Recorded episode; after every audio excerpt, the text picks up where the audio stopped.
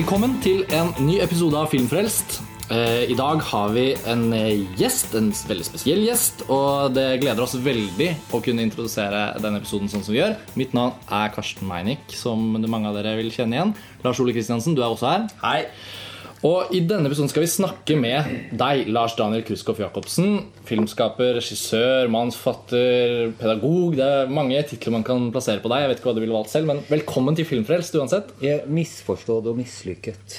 Ja, Og herfra kan du bare gå oppover. her det bare går oppover. Men dere har veldig god kaffe her for øvrig, så dette skal bli en god samtale. Vi tror også det. Altså, du er kinoaktuell, som det heter, med din siste spillefilm, 'De umoralske', som hadde premiere eh, i Norge 25.4. Filmen har gått på kino noen uker. Og den hadde sin verdenspremiere i høst, i september, i Toronto. Ja. Og det er eh, gått eh, nesten ja, seks og et halvt år eller syv år siden din forrige spillefilm, som het 'Fem løgner', som var spillefilmdebuten din.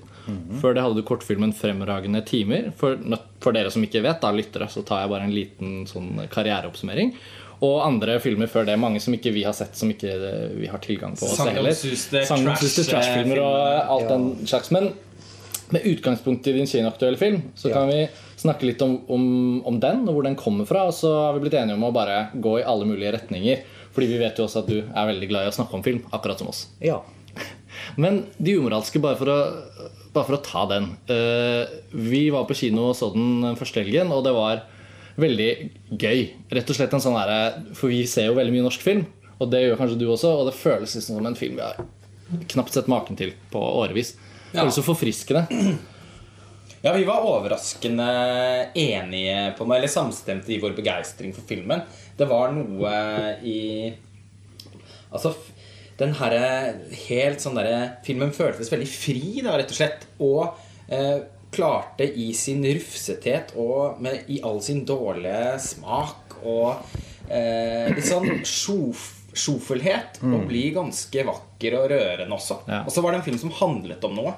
Om, om mennesker som ikke kan passe inn uansett hvilke systemer og eh, ting som skal tilrettelegges for at alle skal passe inn i samfunnet vårt. Noen vil uansett eh, ikke renne gjennom den sila der.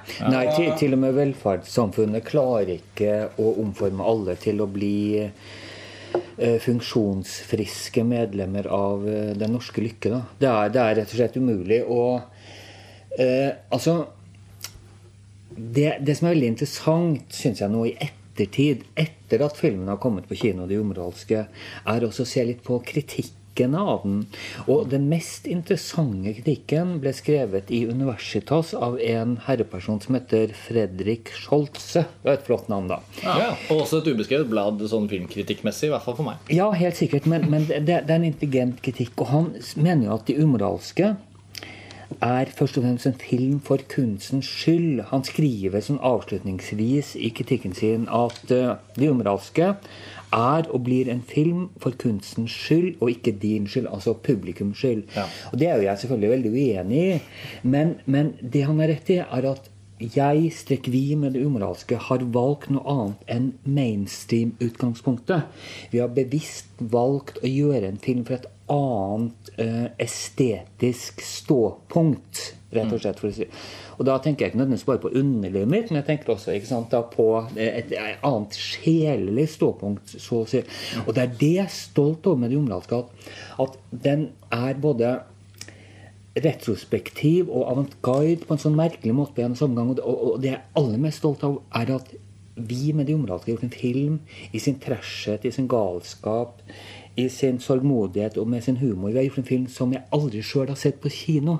Jeg, og jeg har aldri sett noen sånn film i det hele tatt noen gang før. Og det er det jeg er aller mest stolt av med filmen. Fordi, fordi vi har ikke prøvd å være flinke, vi har ikke prøvd å gjøre det på den riktige måten. Vi har ikke valgt mainstreamen eller kan du si den poetiske undergrunnsfilmen som utgangspunkt. Vi har valgt å gjøre noe som er trashy og stygt, og kanskje også stygt og vakkert, håper jeg. Noe helt annet, og det er det jeg er stolt av. Og dermed føler jeg at jeg som filmskaper, på tross av masse lunkne kritikker i Oslo-avisene, så føler jeg meg likevel fryktelig stolt. Jeg føler at nå, nå, det er nå jeg begynner å lage film. For med de umoralske så som jo heter fullt og helt eh, 'De umoralske' eller 'Tannlegens datter', 'Blikkenslagerens sønn' og 'Den forlatte stormannsynding'. Én skillingsvise fra vår tid. Med den så forsto jeg hva film er for noe. Nå har jeg endelig etter 20 år forstått hva film er for noe. Det virker jo som en film som har liksom altså Jeg tror de fleste av lytterne våre også kjenner vel sikkert til deg i større eller mindre grad som en offentlig person. Altså som en stemme, som Ja. debattant, kronikkforfatter. Eh, alle disse hatene ja. som man kan plassere på hodet ditt. Ikke sant? Eh, eller som du ofte pleier å bare oppsummere det som, eh, som kunstner. Ja. I, Ja. i videste forstand. Ja, eller kunstner, rett og slett. Jeg kan Ja. ikke være noe annet. Nei. Nei. Og, eh, og jeg syns også det virker som altså, Hvis du setter deg opp mot Fem løgner, da, som var den første spillefilmen din, Mm. der syns jeg jo det virket som at du kanskje var fanget i noe et eller annet som du ikke helt fikk eh, Vingen, bevegelses- vingene, kom liksom ikke helt ut. Det, var, det, det syns jeg er en veldig merkelig film. Og jeg synes, har alltid syntes det var merkelig at du valgte å lage den akkurat sånn. Men, eh, men så det, har det sikkert også sine forklaringer, fordi det var liksom en, en, en, en, mer sånn tradisjonell produksjon. Ja, masse mer, penger, masse trailere. Altså, det, Ikke sant? Ja, det var det med Fem løgner, altså, som var min første spillefilm, og som kom da for sju år siden. eller sånt. Og Min debut som spillefilmregissør er jo glad for at, min, at det ikke gikk like lang tid mellom min første seksuelle opplevelse Altså min debut og min neste seksuelle opplevelse. Altså, det hadde vært forferdelig trist. Men, men, men når det gjaldt eh, Fem lønner, så det er jo en, en, det er jo en, som en klassisk eh, sånn Academy-inspirert film. ikke sant? Med pen, eh, pen kameraføring og med flott lyssetting osv. osv. osv. Og masse trailere. Og det var veldig veldig stas, husker jeg, å komme på et filmsett. og Vi var filmet ute i Suburbia, oppe på Økeren. Veldig stas, og så kom du filmsettet, og så liksom ser du Hele veien nedover er liksom filmsettets biler. Ikke sant? Det, sånn, altså det, det, og det er veldig sånn Det er Hollywood, da. Ikke sant? Og man elsker det. Men mitt problem var det at veldig veldig fort så mistet jeg interessen for den greia der med det derre liksom Den store filmen, det store filmsettet. Altså eh, alle pengene. Og noe av forklaringen på den galskapen at jeg fort syntes det ble litt uinteressant, er at jeg som ung mann øh, Allerede fra jeg var 15-16 år gammel, har jobbet med store produksjonssystemer. For da begynte jeg å jobbe på Trøndelag Teater i Trondheim. Var sånn småjobber mens jeg gikk videregående. Og så eh, begynte jeg med nærad, så begynte jeg etter hvert å jobbe i NRK. Og så var jeg regissørassistent mange år på Oslo Teater osv. Så, videre, så jeg, jeg ble liksom ikke imponert av sånn eh, Hol- Hollywood kommer til Sånn Hollywood kommer til byen. Ja, ja, ja, filmsett. Og liksom, og liksom strukturen til Ja, institusjonen, nei, ja. sånn det alltid har Ja, blitt gjort. Det ja. der. Det var nei, ikke for deg. Nei, det, det var ikke min greie. Nei. Og, og Det er kanskje, eh, kanskje vanskelig å vite før man har vært der? Ja, før, før man har vært der, men det var veldig veldig greit. Og, og så, så selv om det var moro å liksom gjøre det på Hollywood-måten For no, noe av det, det, det Når vi filma filma Fem løgner, var jo ikke sånn kjempesvært filmsett. Det var moro, men det var ikke interessant for meg fordi det blir for strukturert, det blir for disiplinert, det blir for mye et tempel, kan du si. Altså, du går, altså du skal, skal gjøres sånn og sånn, sånn, og det tar en halvtime å vende kameraet andre veien. Så med de umoralske, som nå kom dessverre mange år etterpå, da, altså min siste spillefilm, da, så så, så, så, så var man helt fri, og man gjorde det helt fritt. Og man hadde bare bitte, bitte lite grann penger. Og det var liksom ingen forpliktelser eller ingen føringer. Vi hadde et godt manus som jeg skrev sammen med først og fremst Einar Sverdrup, også litt Bendik Krossmann og Dirk Jacobsen.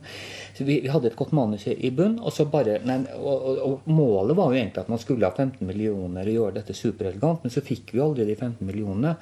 Og så måtte vi bare gjøre det på en rufsete måte, fordi det var det vi hadde råd til. Og det, det var moro. Og da tenkte jeg at nå, nå er jeg hjemme på en For dere ender på en måte med å Det føler man på filmen nå, syns jeg. Ja, Ja. for det Man bryter liksom med alle regler man måtte tenke at det Altså når, Kunsten, hvis man skal snakke om det, så vil jo alltid være fri på en eller annen måte uansett. Fordi at man kan jo ta noen eh, kunstneriske valg som også er dristige innenfor en mer På en måte en mer eh, eh, Altså en, en mer profesjonell produksjon. Ja. Men eh, det jeg syns er befriende med, med de umoralske, og som virker som gjør at man får følelsen av at du føler deg hjemme i, i og føler deg vel Ja. med den filmen, og hjemme i den filmen, Ja. det er at den eh, ikke ikke tar liksom, Den virker ikke som den tar noe hensyn til noen andre enn seg selv. Da. Den er litt som eh, og Den er litt som en fransk nybølgefilm eh, på sitt beste. Hvor man kan få en følelse av at kamera og filmskaperen på en helt intuitiv Ja. måte går ut med et kamera, finner noen mennesker og lager en historie om dem. At den Akkurat. Den har en sånn in medias res rastløshet også, som Ja. jeg setter pris på. Så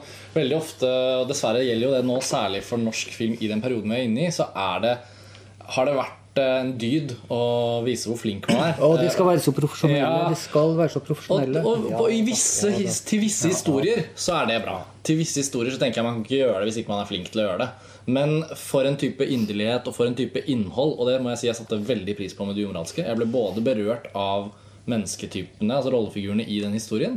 Og det var til min store overraskelse, for jeg var mer forberedt på at jeg kom til å synes det var morsomt og underholdende. sånn sett Men jeg ble faktisk grepet. øh, Og, og når det da i tillegg ligger et så opplagt innhold og tankegods i bunn, så det var da den følelsen av sånn Dette er det lengste jeg har sett. Den følelsen av at oi, her har du på liksom Nesten sånn uten å nødvendigvis ha det som mål, så har du kanskje også bidratt til å avsløre et tomrom. Ja. Uh, og da kan også kunsten funke som et innlegg. Men den hadde ikke funket så bra hvis den var et innlegg. Å vise et annet Norge på film som vi ikke liker. Ja, altså, både som- estetisk og, Ja. og tematisk. Og som vi som bor her i Oslo, og som går på de samme kafeene og på, på Cinemateket på kvelden, på en måte ikke forholder en film om oss hadde ikke vært like interessert. Ja, altså si ikke det. Men, men altså sånn på en helt annen måte. Det er noe med Det fins noen ganske eh, herlige, nydelige mennesker rundt omkring som er veldig, veldig rare. Og som også fortjener å eh, Som det også bør lages historier om. Graves litt i. Ja. Undersøkes. Altså sånn Bare de derre jeg, Nei, jeg syns det er så mye fint. Bare det liksom måten de forholder seg til det kjøpesenteret på CC Vest. Ja. Og hun lirekassespillersken utenfor sånn som er helt corny. Men det, Det er en veldig, apropos det, er en veldig, det synes jeg har vært et veldig fint grep. Når kom det inn? Denne, altså er det jeg sa til Lars Ole på et tidspunkt så sa jeg sånn, Kan man tolke det som at det, der, det papiret med de hullene i lirekassen de som, som dras gjennom Kunne det vært en slags sånn Dette er liksom, Her er fortellingen. Ja, det er helt riktig. Er det sånn? Da tenkte jeg, ja, så ja, bra. ja. Så dras fortellingen liksom i gang, og så får vi historien, og så kommer vi tilbake til det. Det er veldig fint. Lirekassespillersken hun heter jo Toril Granhaug, og hun kommer fra et eller annet sted nede i Namdal i Telemark. Og eh, for fire år siden så hadde jeg et sommervikariat i NRK Finnmark, hvor jeg da hadde morgensendingene i seks uker. Mm. Jeg har jo jobba med radio før, så, og også da jeg var ung jobbet mye i Finnmark. Jeg er også halvt finnmarking, så jeg er veldig glad i fylket. Og da var hun i Finnmark for å ta bilder, altså, og hun hadde reist hele landet rundt, og kom da til Finnmark for å ta bilder av alle postkontorene i Finnmark. Men målet var å ta bilder av alle postkontorene i Norge. Hun har for øvrig også tidligere hatt en runde, da, denne lirekassespillersken. hvor Hun, har, hun og mannen har tatt bilde av alle kirkene i Norge. Jeg tror hun har reist det satt med 36 eller 46 ganger med Hurtigruta, så hun er veldig glad i Norge. Og er utrolig flink til å sysselsette seg. Og hun spiller lirkasse. Hun og mannen gjorde det og reiste rundt omkring da, på forskjellige stevner og, og arrangementer og, og sentre rundt omkring i landet. Så det var i forbindelse med det intervjuet at hun var der i Kirkenes, så jeg ba henne kan du komme til meg i morgensendingen i morgen tidlig. Uh, uh, kan kjøre fra Kirkenes til Vadsø. Det må liksom rundt fjorden, fordi Kirkenes ligger sør, og så ligger da uh, Vadsø nord for Varangerfjorden. Ja, Så kom hun på morgenkvisten, vi hadde et herlig intervju, og så fortalte hun at hun også spilte lirekasse. Så tenkte jeg hm, dette er interessant. Da hadde vi allerede spilt inn mesteparten av det umoralske. En lirekassedame hadde jo passet i denne filmen. Slik at eh, nå i sommer, faktisk, og da var det fire-fem år siden vi hadde spilt inn mesteparten av filmen, så kom da Toril Granhaug, og hun sier at jeg heter ikke Gravhaug, så det må du alltid liksom presisere. Da sa Toril Granhaug at ja, jeg ble enig med henne og en dansk venn av henne at da kjørte de opp mot at jeg betalte bensinutgiftene, opp til CC Vest, hvor vi hadde tatt opp eh, de andre kjøpesenterscenene. Og så spilte hun inn dette, og så la vi det på. Så tenkte jeg at ja, hun skal jo fortelle den her, fordi dette er jo også en skjellingsvise. Mm. Det som er morsomt, er jo også at veldig mye av handlingen utspeiler, ut, ikke utspeiler, man kan si utspeiler, det er kanskje en annen måte å si det, utspiller seg på CC Vest. Og det er jo selve borgerskapets kjøpesenter i Oslo. Eh, min kjære tante som bor på Montebello på Ullern, hun har gjennom mange år snakket om at hun alltid pleide jeg, jeg pleide å spise fiskeboller og sende i skjell en to-tre ganger i året. Tre-fire ganger i året, rett. Så pleide hun Ja, jeg har vært disse her kjøpt på CC Vest. Så jeg, og jeg har aldri vært der sjøl før vi da filmet. Så det et, my et mytisk Ja, det var for meg et meget mytisk og gud, hvordan var det der og sånn. Og så var jo poenget det at selve manuset til det umoralske er jo egentlig skrevet til Groruddalen ikke sant? og østkanten i Oslo. Men så ligger filmselskapet Viafilm det ligger, altså det er jo to filmselskaper bak dette. her da, Nå har begge to kontorer der for øvrig. Men da hadde Viafilm kontor på Majorstua. For øvrig noen enorme lokaler. da, Det er jo en annen, annen historie. Eh, de, de, de ligger ved siden av Frognerparken. Og vi måtte, fordi vi hadde slite penger Vi hadde i utgangspunktet bare 120 000. Selve innspillingen kosta et eller annet sted rundt 250 000 til slutt. Men vi hadde 120 000 av egentlig noen manuspenger. Egentlig hadde jeg fått disse pengene for å skrive manus. Og så sa min produsent meg eh, jo, ta med, dra til Thailand og kose et år siden og, skrive, og bruke de pengene og si et manus. Og sa jeg nei, det vil jeg ikke. Jeg orker ikke å skrive mer manus nå. Det er manuset med en plan, og nå skal vi filme. Så hadde vi en konflikt. Vi har presset han, og vi ble til slutt enige om at ok, så kommer det en annen produsent inn også, så filmer vi dette her. Men vi hadde altså bare da til slutt av 200 250 000 kroner. Og da hadde vi ikke råd til å dra til Groruddalen for å filme det umoralske. Vi, vi måtte filme den i nærheten av eh, filmselskapet på Majorstua. Derfor fant vi også eh, den der Funkisvillaen hvor vi filma som jo er et museum, Stenersen-villaen. Den ligger bare en fire-fem minutter kjøretur fra der hvor vi holdt til. Og, og, og, og CC Vest viste seg da å være sju minutter fra ikke sant, eh, der hvor Filmselskapet hadde kontoret. Bare kjørt forbi eh, det der eh, Hva heter det? Krefthospitalet igjen? Radiohospitalet. Og så er det oppe i bakken, og så er det like nedi der. Og så kom jeg dit, og så var det helt fantastisk. Fordi, fordi For det første så står det jo CC Vest, ikke sant? og så er det, en slags buet altså fra, eh, Fasaden på CC Vest er buet slik at det ser ut som et sånt kjøpesenter i Hollywood, Los Angeles.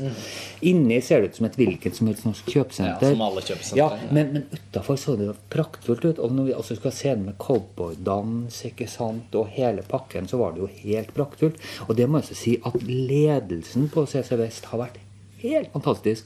Det er alle spørsmål. Hva hvis en gang skal lage film? Og ja, vær så god, kjør på å lage film Ja. her. Så det var Ja, men det er Så dere hadde CC Vest i ryggen, eh, rett og slett? Ja, Men hadde jeg synes- CC Vest og barberskapet i ryggen da, for å lage den filmen. Men, det, men ja, her synes jeg det er Det er også et eller annet veldig interessant som jeg nå bare kommer på med filmen. Som, Ja. som jeg følte på også da jeg så den uten å vite det du forteller om. Og det er jo at, at Her har vi disse liksom menneskene som er litt på skjeve, som strever litt på forskjellige måter, men i omgivelser som tilhører noen andre, på en måte. Ja, ja. Og denne motsetningen, men som er mer sånn underforstått uh, Jeg vet ikke om alle får det med seg nødvendigvis. Vi skal kjenne området Ja, men det, liksom, det ligger der og liksom, Det er noe sånn et eller annet som ikke stemmer helt. Men samtidig så stemmer det litt fordi rollefigurene dine De ter seg med den største selvfølge i de miljøene de er en del av. Og det er altså så deilig å se. Ikke noe sånn ikke sånn vag forsiktighet. Så det er, den der lille kollisjonen der, den Ja. Det satte jeg enda mer pris på den nå, som du fortalte. At, um, Og det er veldig veldig morsomt. at det kommer fordi- ut av produksjonsforholdene litt. Ja. At det kommer sånn ja, ja, ja, ja. ut av det. Altså, det lengste kjøreturen vi hadde, var 15 minutter. Og det var opp til, det var opp til Frognersetra. Fordi alt må, måtte ligge i nærheten av av filmselskapet, fordi vi hadde ikke penger. ikke sant? Og, og, så, så, så, og det som er veldig veldig morsomt Jeg, jeg satt i uttakskomiteen til kortfilmfestivalen i Grimstad i år. altså, til, altså de som, Vi som valgte ut norsk kortfilm. Ja. Og der valgte vi bl.a.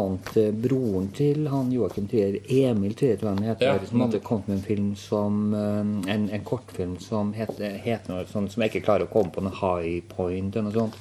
Og den er jo filmet også i de nedre delene av Holmenkollåsen, hvor vi har filma. Men han filmer jo på en måte borgerskapets ungdom på en utrolig subtil elegant måte. Det er en meget god film. Men det som er så morsomt, er at man skulle ikke tro at de filmene var fra samme sted.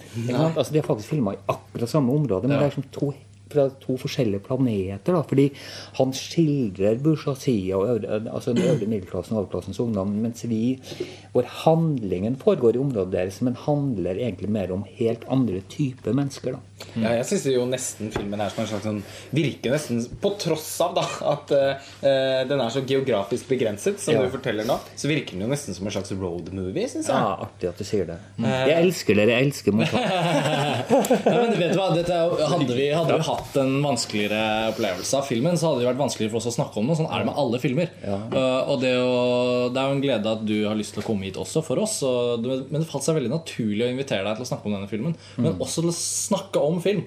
Og det syns jeg er litt viktig. At, uh, nå trakk du inn en kortfilm som, som åpenbart skal bli spennende å se. Vidun, den er vidunderlig. Ja, den er virkelig bra. Men samtidig så har vi også vært så vidt innom nybølgen. Så vidt innom jeg bare, Altså, du har jo Skulle vi kunne gå litt inn på på en måte For det første så er jeg nysgjerrig på å høre litt hva du tenker om andre Ikke, kanskje så mange konkrete eksempler eh, på norske filmer, men liksom den tonen vi er i på det som lages nå. Ser du, det som, ser du mesteparten av det som kommer selv? Hvor, fordi, fordi hvis Noen ganger- er en, er en motfilm Ja. Så tenk på det, det er jo noen Den, den den, er mot, imot. den er motkultur. Er det- imot, det-? Ja, jo, altså, det, er er det noe som skuffer meg med mange av kritikkene, da igjen i Oslo-avisene, er at de ikke ser at dette er en motkulturfilm. Altså, de tar de, de tar um, uh, mainstream som utgangspunkt, og så, og så legger de det som en forståelsesramme, og så forstår de filmen gjennom det filteret. Og det syns jeg er veldig veldig skuffende. fordi det, som, det, det jeg er veldig veldig opptatt av, er at Profesjonalitet, ja, det er bra. Men profesjonalitet er ofte også kjedelig. Fordi profesjonalitet er ofte én måte å gjøre ting på som er akseptert i utgangspunktet. Ikke sant? Altså Profesjonalitet innebærer en del forutsetninger som, som er at, at hvis du gjør det sånn, så er det profesjonelt. Og hvis du gjør det ikke sånn, så er det ikke profesjonelt. Og det som er veldig veldig morsomt, som jeg har nevnt før, med han som har laget det som regnes for verdens eh, beste film gjennom tidene, den der filmen om han der han der avismagnaten Citizen USA- Ja, Kane. Citizen Kane, ja. Hva heter han igjen? Orson Welles. Orson Welles, selvfølgelig. Han, uten å sammenligne meg med han, for all del, men han hatet også begrepet profesjonalitet. Han mislikte det. Og, og jeg jeg husker jeg ser en sånn bakgrunnsfilm, for han var med i en fransk film, spilte en annen rolle der, og da sitter han sammen med en fransk skuespillerinne og sier ja, nei, du og jeg, vi er ikke profesjonelle. Er, nei, nei, nei, vi er ikke profesjonelle. ikke sant? Og hva betyr det? Jo, Citizen Kane så på seg selv som kunstner. Jeg tror det er det han mener med det. Som et fritt menneske. Dette er ikke profesjonen hans, det er kallet hans. sant?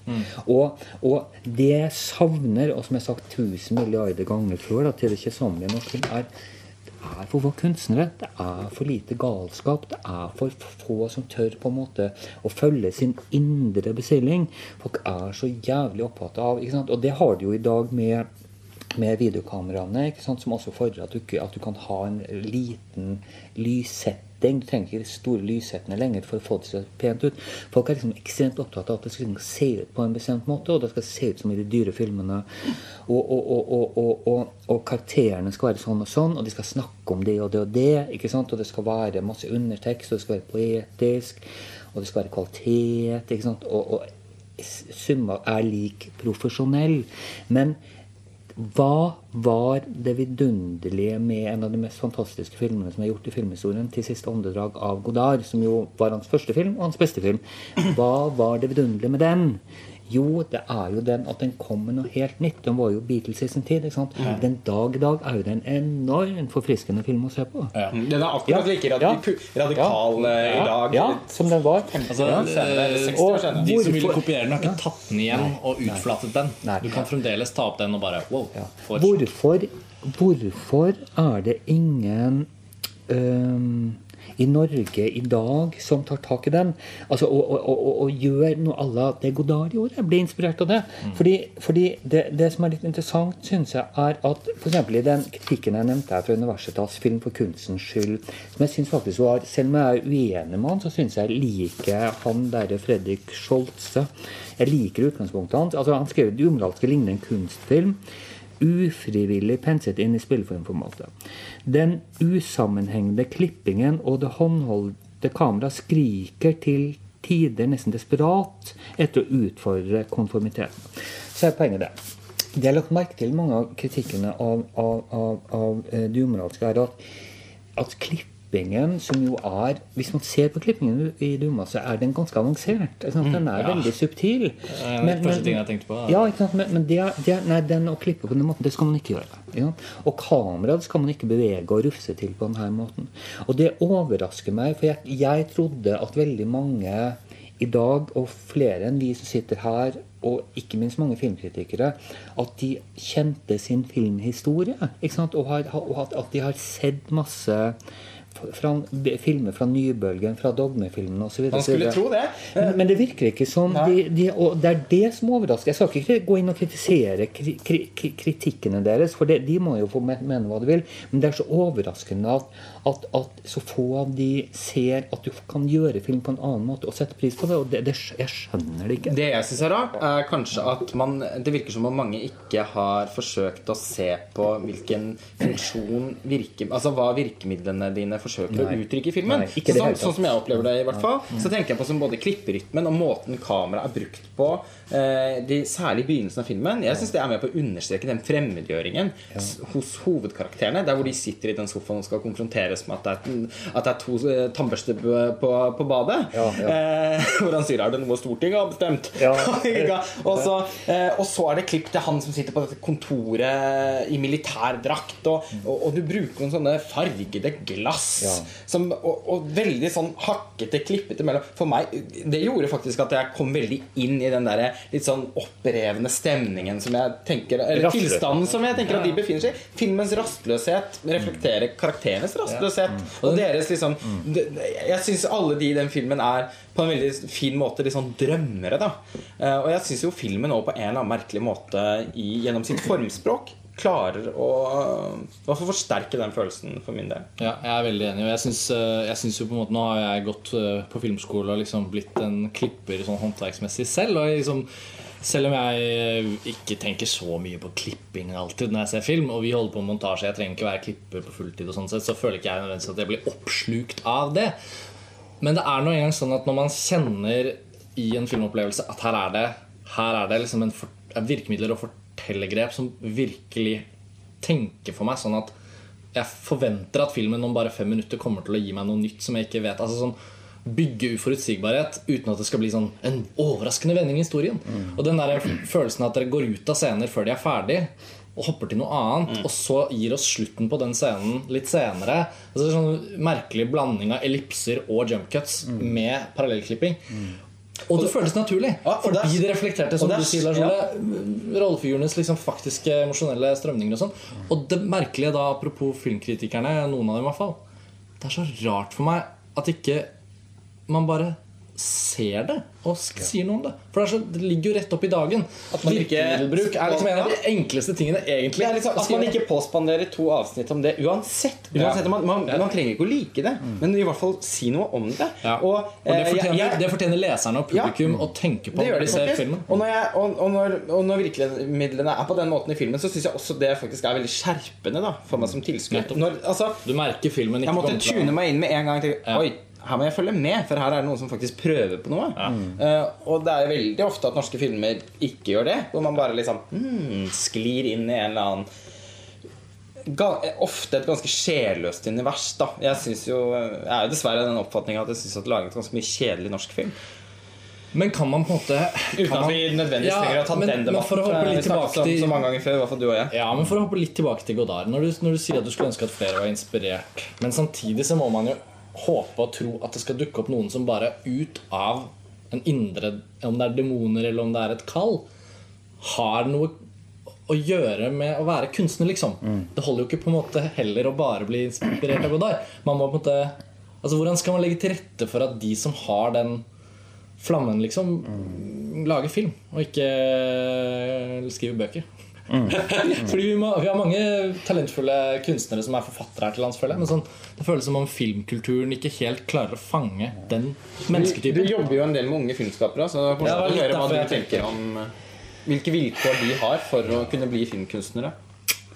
Nei, altså Det er jo som du sa, ikke sant, at veldig mange av de beste fortellerne i Norge i dag, de, de går jo til litteraturen.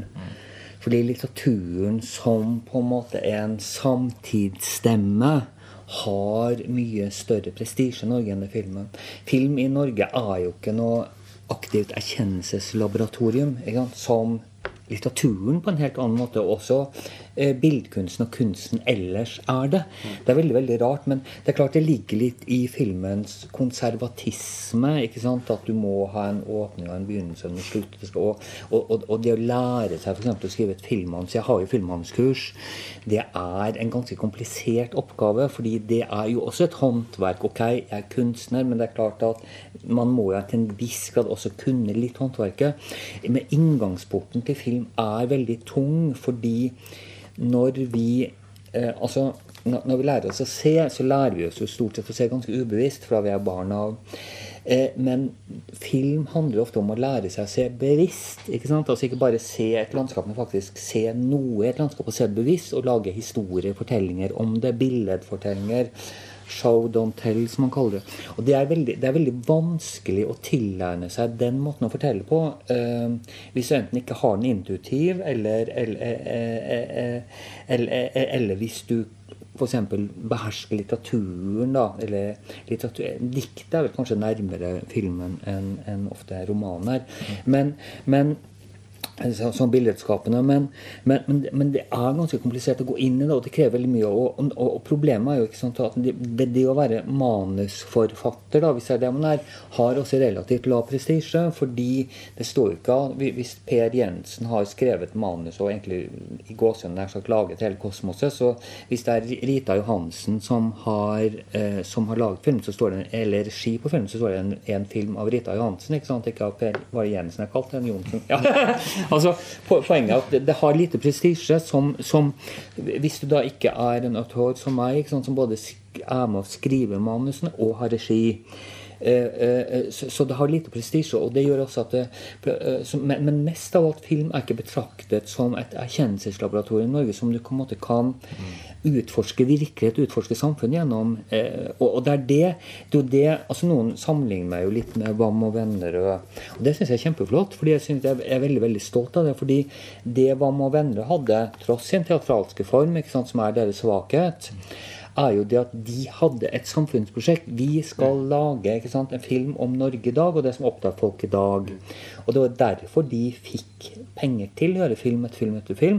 Og publikum kom og så filmene deres. også. Det har jo folk glemt i dag. At faen meg folk gikk og så Det var en kjempebusiness, og de lagde Ja. filmene veldig billig også. Og de lagde det billig. Og det som kjennetegner Vam og vendre film er jo ikke bare det at den er samtidsaktuell, som, eh, ikke sant? Men, men, men det er jo også at den handler om noe her og nå. At den er, har en anarkistisk politisk brodd, stort sett. Det var det som var så deilig med de, at de slo i alle retninger. ikke sant? Både mot konservative og Ja. mot, og mot eh, ML-erne, altså AKP-erne.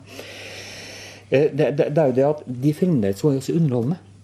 Ja. Det, altså det, man kan si, altså, og, og, men, men klart svakheten deres er at de, var, de valgte en veldig teatralsk form. Og jeg vet jo at uh, for eksempel, når de har skrevet manus, så skuespillerne fikk jo ikke forandre på et ord. ikke sant? Alt skulle være helt ordrett. Ja, de er veldig skrevet. Ja, sånn ja, men det skal jeg Men- men- veldig begeistret for Vam og Vennerød sine filmer. da Og jeg synes jo uh, en, en av styrkene i filmene deres som jeg syns det snakkes altfor lite om En ting er den der anarkistiske tonen og den der blodfulle uh, liksom viljen som ligger bak dem, som er, som er herlig å se uansett. Men jeg, eh, noe av det jeg syns er eh, en, en en av de største kvalitetene med filmene deres jeg, er at de er ofte veldig visjonært iscenesatt. Ja. De tenkte jo også rent uh, Ja, mye visuelt. med bilder. De har Ja, det er mange sånne drømmesekvenser og sånn i Hva med sine filmer som jeg syns er helt fantastisk. Nydelig. Og, og måten de liksom brukte billedkunst på, malerier som av Odd Nerdrum som henger på veggen over en sånn, nesten sånn barokkseng med noe rødt laken. Altså sånn, eh, jeg syns jo de filmene puster en litt de- sånn eh, de- i ansiktet. da De ble bevisst eller ubevisst også vevet inn i den generelle norske liksom, kunsthistorie, populærkultur også. Men liksom det, det føles som de hørte til på en måte mye. Og Ja. en av de når det står som verst til med norsk film i vår samtid nå, så føler jeg liksom at film er noe som er helt sånn isolert. Ja. Det er ikke et samfunnsprosjekt. Nei, det, noe, det, det snakkes om besøkstallene, og det Ja. klages over penger og byråkrati. Jeg blir så flau, for jeg skulle ønske at den samtalen offentligheten ville ha om de norske filmene, gikk på innhold, gikk på liksom Om det er noe sjokk, eller om det er noe radikalt, eller om Det trenger ikke å være den ene eller den andre tingen, men det at filmer bidrar til å vekke mer interessante samtaler i samfunnet for øvrig. Mens nå føler jeg at de norske filmene først og fremst er som en liten sånn isolert blokk. Eh, Og, og at filmer kan være men plant- unntak. og, og at filmer kan være plantet i sin egen tid, men ikke nødvendigvis være liksom komfortable med det jordsmonnet, men stå der og skrike av, av frustrasjon mm. og, og, og smerte og usikkerhet, som jo ofte Hva med venner og sine filmer gjør. syns jeg. I dag, når man ser på de med tilbakeskuende blikk, så er jo er de jo veldig fascinerende som avtrykk fra sin tid. Samtidig som de faktisk også har noen rent sånn filmatiske kvaliteter som jeg syns er ganske tidløse. Da. Det er egentlig synd at de filmene har blitt sånn eh, pizzakveld, vorspiel eh, 90-tallsironien ødela jo på en måte den arven Ja. for én generasjon. Men på en måte historien er jo ikke over. Og de Nei. filmene er der. Og Altså, jeg tror- Adjø solidaritet og drømmeskjøtt og sånn, noen av de beste norske filmene som Ja. er laget, syns jeg. Helt enig. Og, og problemet med filmskapere, unge filmskapere i Norge i dag, er jo at det er liksom ingen samfunnskontrakt til stede. Det er, det, altså, det er ikke noe Altså, jeg deltok jo veldig mye i filmdebatter før i, i, i, gam, i Old paisa-tida som min mor pleier å si. Ja, det er lenge siden. Altså. Og så bare oppdaget jeg at alle norske filmdebatter handler om hvorfor får ikke jeg oppmerksomhet, hvorfor får ikke jeg penger? Ikke sant? Og da tenkte jeg ok, greit. Det, hvis det er utgangspunktet, så gidder ikke jeg å diskutere mer. Eh, man diskuterer hele tiden at man skal få flere penger, ikke sant? og at det skal da lages eh, mer kvalitetsfilm osv. videre Og så er det liksom hvem får penger, og hvem får ikke penger, og hvordan fordeles dette ikke sant? mellom de kommersielle filmene og de kunstneriske filmene osv. Det som har forundret meg gjennom veldig veldig mange år, og som jeg jeg egentlig er veldig rart at jeg gidder å snakke om det ennå, er hvorfor snakker ingen om hva vi skal lage film om i Norge? Hvorfor er det så tabu, og hvorfor gjør f.eks. ikke Filminstituttet det? Jeg skrev en gang et brev til Filminstituttet hvor jeg foreslo i minoritet, og dette er lenge siden, da, at, at man kunne opprettholde starte en ordning med lavbudsjettfilmer som skulle handle om norsk framtid. Altså, altså, altså, altså bygdebyen, innvandring, fremmedgjøring eh, Altså eh, internett, ensomhet altså Alt på en måte, altså samtidsaktuelle problemstillinger som folk på en måte møter i dag, på godt og på vondt, med humor ikke sant, og, og med sorg. Og, og, det var, Jeg sendte det til daværende direktør Slyngstad. Jeg fikk aldri noe brev, men jeg traff han i Grimstad denne kortfilmfestivalen. Så sa han ja, det var et fint brev du sendte, interessant. da, så, og Vi hadde en liten samtale der, men jeg fikk aldri noe svar. da, men Det er en annen historie. Men, men, men, men det som jeg ikke skjønner, er hvorfor, hvorfor er ingen, eller ingen norske filmskapere i dag det virker meg, som lager dramafilm. Det virker som det er andre som dokumentarfilm. da, fordi der må du jo lage om samfunnet. Du har jo, nei, Ellers får du ikke penger. Nei, du har, ikke noe valg. ikke sant? Hvorfor er det ikke noen vilje til å lage noe om vår tid? Altså, og, og, og, og ungdom, ungdommer i Groruddalen, ikke sant um, um, folk som bor i bygdebyene altså, hvor, Hvorfor er det Og, det er det det, er- det jeg liker, altså, som, jeg, som jeg på en måte er stolt ved det at vi prøver i hvert fall å si noe om tida vår og samfunnet vårt og, og, og den tida uten at vi er dogmatiske eller politiske. For det kan du ikke være. Du kan ikke ha noe sånn, du kan ikke lage, altså, du kan ikke være sånn her lager jeg en film som støtter Arbeiderpartiet, eller her lager jeg en film som støtter miljøvern. Jeg er, jeg er for ekstremt kritisk til at kunstnere skal gjøre den jobben idealister gjør. Altså Idealistene skal redde verden, kunstnere skal fortelle om verden. Så, jeg, så, så, så, alle sånne ideologiske prosjekter om f.eks. at plutselig kunstnere skal begynne å lage film om hvor bra miljø, eller lage historier om hvor bra miljøvern er, syns jeg er ufyselig ekkelt. Det er, det, det, det er ekkelt, rett og slett. Men, men, men jeg er så overrasket at, at, at så få unge filmskapere føler at de har en samfunnskontrakt. Og da blir det som dere sa, at norsk film blir liksom noe sånn eget som som, som liksom har en sånn egen hylle på en måte i, i, i, liksom, i livets bokhandel. da, Og som liksom ikke er, ikke er knyttet opp til det som foregår utenfor eh, bokhandelen. eller altså som, det, det, det, det, Jeg syns det er så rart. Jeg, jeg fatter ikke at ikke flere er det, Hva heter den Play, den der svenske filmen? Til? Ruben Østlund? Ruben Østlund, for. Hvorfor lager ikke flere sånne filmer? Norge? Jeg fatter ikke at ikke ja.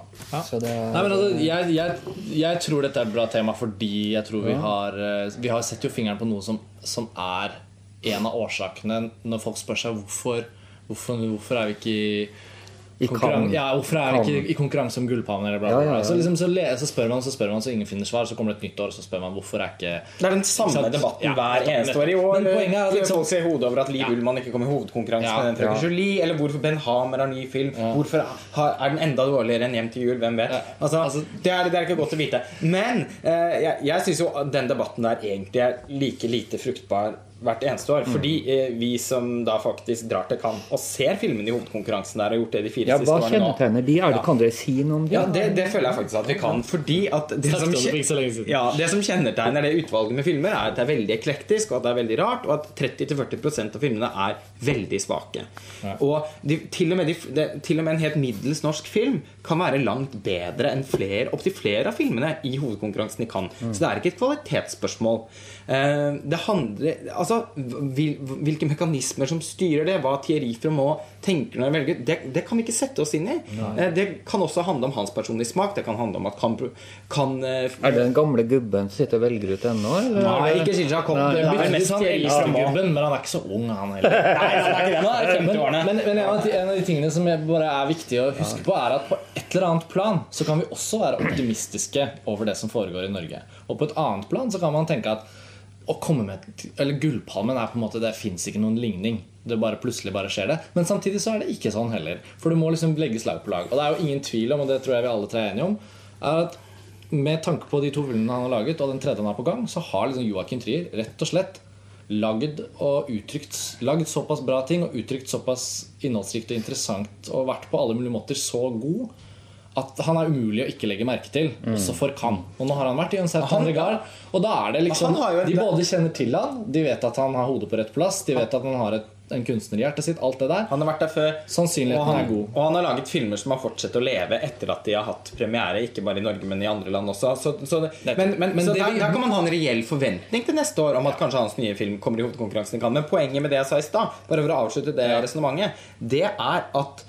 eh, Altså Dette målet om å, ha, å, å få med en norsk film i hovedkonkurransen i Cannes, det er et hyggelig mål, det. Det hadde vært kjempegøy hvis det, hvis det kunne skje igjen, for det er fryktelig lenge siden sist. Men det må liksom bare skje av seg selv. Det er ikke noe vi kan planlegge. Det må Hva- lages, hva- og hadde vi var og hadde laget flere kunstnerisk radikale Ja. filmer, Ja. filmer som turte noe, filmer som stakk seg ut, og som ropte og skrek, og som skapte Ja. Vemmelse. Ja. så ville det på et tidspunkt Det er. Helt utgangspunktet for at det skal skje mye bedre. Ikke at vi sitter og planlegger at, at kvalit graden av kvalitet i vår innbyrdes filmproduksjon. Og det var, det, det var derfor jeg kom på det når du sa det du sa nå, Lars Daniel. Fordi det er nettopp det, og det er på en måte ikke noe som Det er heller ikke en kritikk av enkeltstående filmer. Jeg synes også det finnes mange lyspunkter. Det er, mye, det er mye som foregår som også er bra, og som også egentlig har det vi etterlyser. Men på et eller annet plan så blir det så smått i Norge at så lenge vi ikke ser at det virkelig kommer en sterk kraft, som er flere filmskapere, som er mange nok til at halvparten kan lage noe dårlig, og halvparten kan lage noe bra, og så kan den andre halvparten lage noe dårlig, lage noe bra, og så bytter de om å være dårlig og bra. Og så kan man diskutere det, og filmene river og sliter litt i hverandre. De tar vi ikke kommet i det hele tatt. Nei, men du, dette- enkeltstående filmene som skjer, vi står helt alene. Det, Sånn ja, det, akkurat, akkurat. Det er veldig interessant, fordi ja, det var jo en produsent, jeg skal ikke nevne navn, som sa i, år, i fjor eller året for det at nei, det manuset de hadde nå, det var sånn type manus som kunne bli en film som kunne bli med i hovedkonkurransen i Cannes. Og så tenkte jeg hvordan, ja, altså Jeg ble veldig sånn meget forundret over uttalelsen. Akkurat som, du, som et slags matematisk stykke kan kalkulere 1 pluss 1, så er de i Cannes. ikke sant? 1 pluss 1 er Cannes. Ja, ja. Og jeg, hadde jo også, jeg har jo vært med i, var jo med i Berlin en gang med den der fremragende timer, den novellefilmen min. Og, og jeg hadde jo også akkurat samme opplevelse som dere når jeg så programmet der nede. At, at, at selv om du er med i hovedkonkurransen i Berlin og, L1 og de andre programmene, så er ikke det noen garanti for at det er en god film. Det er masse, masse middelmådig og til og med mye dårlig som kommer. Så, så, så, så, så, så det fins ikke noe klart regnestykke eller, altså det, er, det er ikke noe klar vei for å komme inn, inn til, til Roma, eller eh, det er jo tusenvis av veier inn, eller til Cannes.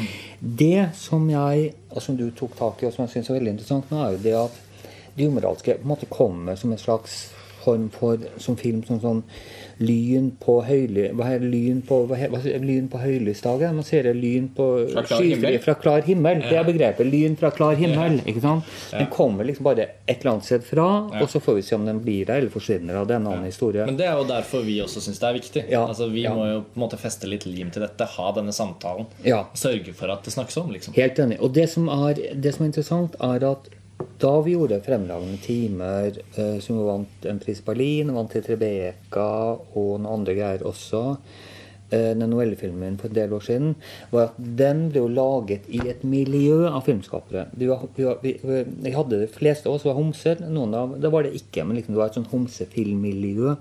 Og vi laga sammen en del kort- og novellefilmer som er de mest distribuerte kort- og novellefilmene i verden, så fra Norge. Altså mange av de filmene. Blant annet 'Kysset som fikk snøen til å smelte' fra Frank Mosvold. Jeg, vet ikke om sett. Ja, jeg syns jo det er den fineste kanskje novellefilmen som er gjort i Norge noensinne. Den er helt praktfull. Eh, Og, og vi var et miljø nettopp hvor vi jobbet sånn, slik at vi, jo, og vi jobbet på hverandres filmer. Vi kunne, eh, du hadde regi på en film, og så hadde du catering på neste. Ikke sant? Det spilte ingen rolle. Vi jobbet Nei. på hverandres filmer. Og man hadde lave nok skuldre sannsynligvis i et Riktig. sånt miljø til Ja. at man kan, Kan lage sandwicher og være Ja, med det. ja, riktig. Og da var også poenget at vi gjorde masse bra filmer sammen. Det ble jævlig bra filmer som som sagt har gjort stor suksess i verden senere. Så, altså, eh, og, og det er jo det som er noe av problemet mitt som såkalt undergrunnskunnskaper, eller hva jeg kaller meg for at, at, at det som er mitt problem som kunstner i Oslo og i Norge, er jo det at jeg opplever det jeg vil kalle en veldig stor grad av kreativ ensomhet. Mm. Uh, uh, eh, det er jo ikke noe miljø unntatt klipperen min, som jo Rodrigo Storchef, som også er egentlig regissør og jobber som filmlærer på Westerdals. Jeg har jo ingen omgang, altså noe kunstnerisk omgang med Jeg er ikke, jeg er ikke opptatt av seksuell omgang med filmskapere, men jeg, mener, jeg, har, altså jeg har ingen kunstnerisk omgang med andre filmskapere enn Rodrigo Storchef. Er, altså jeg, går rundt omkring i gatene Jeg vil ikke akkurat si at jeg går lider, for jeg har, jeg, har faktisk ganske godt liv, da, nettopp fordi hvordan, hvordan blir man glad i seg selv? Man sier til ofte folk jo, hvis du blir glad i andre, så må du bli glad i deg selv først. Og så, ja, hvordan skal jeg klare det hvis man da ikke er det i utgangspunktet? Jo, man blir glad i seg selv ved at man er tro mot seg selv. Tro mot, mot sine drømmer, tro mot sine behov, tro mot sine idealer. Sakte, men sikkert. Og dessverre, dessverre senere enn før så blir du til slutt glad i deg selv. Så jeg er blitt glad i meg selv. Så jeg går rundt i gatene og har faktisk et veldig godt liv. Men allikevel så føler jeg en stor kreativ ensomhet fordi det er ikke noe refleksjonsrom på en måte for det å jobbe med film på en samtidsaktuell og politisk måte i Norge, eller, og i Oslo. Det fins ikke i det hele tatt. Fordi, fordi alle altså, du vet, Unge mennesker i dag, og det er veldig veldig trist, de, de, de er ikke opptatt av og veldig mange de fleste som jeg møter for å være kritisk mot det, de er ikke opptatt av å, å, å gjøre alternativ film eller film på sin egen måte. De er opptatt av å bli profesjonelle, og de er opptatt av så raskt overhodet fort, så raskt som mulig bli liksom etablerte og lage film på en riktig måte, og så da selvfølgelig underforstått komme til hovedkonkurransen i Cannes. Ja, ja. Så, men, men, men, ja, men, men, den, men den kreative ensomheten, den, den Altså, jeg, jeg har jo på en måte Jeg har jo tatt 10 000 initiativer også før for å lage kunstnerfellesskaper, regifellesskaper. Man jobber sånn som vi jobba litt i det gamle homsefilmmiljøet. Men jeg merker at eh, det har ingen respons, det har ingen resonans, fordi folk føler ikke noe behov for det. Ikke sant? Vi lever i en veldig avpolitisert tid, hvor ideologien er død, og Gud er død på mange år. Slik at alle blir sånn små satellitter som jobber i sin virkelighet. Det finnes jo knapt noe filmmiljø. Ikke sant? Vi har masse satellitter overalt som alle jobber med sine små ting. Og, men, men, men, men, jeg har jo bare til slutt skjønt, som min produsent Anders Tangen sier, at det der nytter ikke å prøve å frelse verden eller prøve å få til disse tingene fordi du må jobbe med dine egne ting. Må, man må skrive sin egen manus, man må prøve å lage sine egne filmer. Og så, og så må man da prøve å, sant, å få det ut i verden og i, konkurrere med andre. Fordi, fordi det er ikke Det er ingen forståelse av at det er nødvendig å ha noe fellesskap. Og, og, og det har jeg skjønt til slutt, slik at jeg altså da har akseptert min alenehet som kunstner da, i Norge og i Oslo. Jeg aksepterer at jeg ikke har, unntatt klipperen min, har noe omgang med noen andre filmregissører. Kunstnerisk, da, men jeg må igjen presisere det, da. Eh, og, og at jeg at jeg da at jeg, jeg aksepterer den alenheten, og så tenker jeg litt som André Schidd, er litt arrogant. At, eh, som han skriver i de umoralske, eller Den umoralske, som jo var mye av idéutgangspunktet for å gjøre denne filmen her, at alt nytt skapes i ensomhet. altså at jeg må gjøre ting på min egen vis, og så må jeg gi faen i hva kritikerne mener, og hva publikum mener. Ja, også fordi det er en indre bestilling. Dette er noe som kommer fra dypet av min sjel. Det er ikke noe som kommer, Jeg er ikke noen håndverker som skal lage ti stoler til en middelklassekjerring på Frogner. Jeg skal, altså jeg skal gjøre mine ting, sånn indre bestilling. Og, og, og, så har jeg bare funnet ut og, og derfor så var det Jeg ble, jeg var en to-tre dager litt lei meg for at så få mennesker så den på kino, og altså de umoralske og eh, de lunkne kritikkene i Oslo-avisene. Og så Da kom faktisk artikkelen montasje. At det, det, intervjuet kom ble i godt humør igjen. Så ja, det var sånn pluss. Ja, og, og, og, så tenkte jeg altså at jo, men jeg, jeg, eh, dypest sett, som jeg sa i et annet intervju til Rushprint, at dypest sett er det indifferent for meg hva folk mener om ting, så lenge jeg er fornøyd. og jeg er veldig kritisk til masse ting i det umoralske. Jeg skulle gjerne gjort det annerledes. Men vel, altså det, blir, det blir det det blir. ikke sant? Og jeg står inne for det. Jeg er glad for det. da. Men nå må jo du litt, ja, jeg tenker at nå må jo du komme i gang og lage flere filmer. fordi ja, det det, en, en slags gåte her er jo det kjempestore gapet mellom Fem løgner og De umoralske. Altså at det tok så mange år før du lagde en film igjen. Og det virker som om De umoralske ble spilt inn veldig lenge før den ble ferdigstilt. Ja, ja, ja. Eh, og hva er det som har skjedd? Du har gjort masse annet innimellom. Du har undervist mye, du har skrevet masse kronikker. Gjort en novelle. Eh, ja. ja. Så det, det er ikke, men, men, men, hva er årsaken til at det tok så lang tid før du la, fikk ferdigstilt en ny spillefilm? Ørkenvandringen. Og, og, og jeg husker jeg snakka Det var jo Nicolai Frobenius forfatteren som da var filmkonsulent, som ga oss penger til å gjøre eh, Fem løgner. Altså spillefilmen min som kom i 2007, den første. Eh, og så eh, fikk den jo også lunkne kritikker. Eh, det er ikke en helt velget film, eh, syns jeg sjøl heller, men, men, den har mye fint i seg. Det er egentlig en klassisk debutfilm på mange måter. som liksom prøver ut, prøver ut ting. ja. Eh, og så sa jeg til Niklas Forbenius at eh, ja, ja, nå blir det vel en sånn ørkenvandring. Og da ja, ja, det blir det, sa han, og det må du bare regne med. Og det som skjedde, det var veldig veldig interessant. Det, det skjedde det som man har lest om i romaner og lest om i magasiner, og sånn, som man liksom egentlig ikke tror er helt sant. fordi fra å være en sånn inn-person en god st lang stund da, som jeg var da, før filmen fikk premiere, så ble jeg da den gikk altså dårlig på kino og da han fikk de der kritikkene, så ble jeg en ikke-person i løpet av en helg. Altså det skjedde sånn, det. Og det var veldig veldig morsomt, fordi den hadde premiere på en fredag, og så ringte, eh, ringte eh, eh, scenografen meg på mandagen, altså to-tre dager etterpå, så sa hun til meg, hun Siri, jeg husker ikke etternavnet hennes, Siri sa til meg at, eh, at du har vel vært på Nav og meldt deg arbeidsledig. Fordi det, det, må man gjøre når man er ferdig med en film. Så ja, jeg har faktisk akkurat vært på Nav og meldt meg arbeidsledig. Så, så, eh, men det, sagt, det jeg ikke visste da, var jo at man ble unntak. Filminstituttet fulgte meg opp og inviterte meg på semin Sånn, seminar sånn. Det skal de ha senest. Filminstituttet har så verst. Men ellers så ble man, man ble en ikke-person, da. Slik at du fikk en ørkenvandring eh, hvor, hvor, hvor, hvor du på en måte Altså fordi du blir en ikke-person. fordi du blir ikke hvordan, blir man en, hvordan uttrykker man det? Jo, det er jo ingen som kommer og slår deg i ansiktet eller skjeller ut for at de syns du har laget en dårlig film. Men du inviteres ikke inn. Det er sånn det foregår. ikke sant? Altså Du inviteres ikke inn i det gode selskap. Du liksom, øh, og du får ikke lenger de invitasjonene du fikk før, fordi øh, både bransjen og markedet har mista troen på det. Og Da får du en ørkenvandring som du da enten, som, som da enten fører til at du da sulter i hjel, eh, eller tørster i hjel, rettere sagt, og går tørr og får ikke gjort noe mer. Eller som med de store profetene, da. For det ligger jo alltid ikke sant? Buddha, Jesus, sikkert Muhammed også. Det er alltid sant? at man har en ørkenvandring hvor man hvor man, eh, hvor man, ikke, hvor, hvor, man uh, tvinges på en måte egentlig til å finne seg sjøl. Og, og, det som skjedde med meg under den ørkenvandringen, var at jeg skrev et par romaner, eller én roman, en annen bok som jeg ikke har fått utgitt for så vidt. Og så begynte vi å, og så jobba vi videre med som var det umoralske'. Jeg gjorde masse. altså For meg ble den ørkenvandringen egentlig vidu- fordi den ga meg fred igjen til å i ytterligere grad finne meg sjøl. Finne, finne, altså, finne sjelen min. Og, og, og, og, når jeg fant sjelen min, så begynte jeg å gjøre det umoralske. Men, men den ørkenvandringen var helt nødvendig for meg. Selv om den er en form for en avvisning, så var den nødvendig likevel. Men det tok veldig veldig mange år. Og det jeg håper nå, er jo også at jeg veldig raskt kan gjøre en ny film. Fordi jeg, jeg trenger ikke en sånn ørkenvandring nå, for nå har jeg hatt den. da, Og i gåsehudene funnet lyset, da, som de store profetene. Ja, så, Sånn at du kan få i gang en større kontinuitet Ja, i ja. filmarbeidet ditt. Og du nevnte jo faktisk før vi satt på opptakerne i stad at du allerede var i gang med en ny film.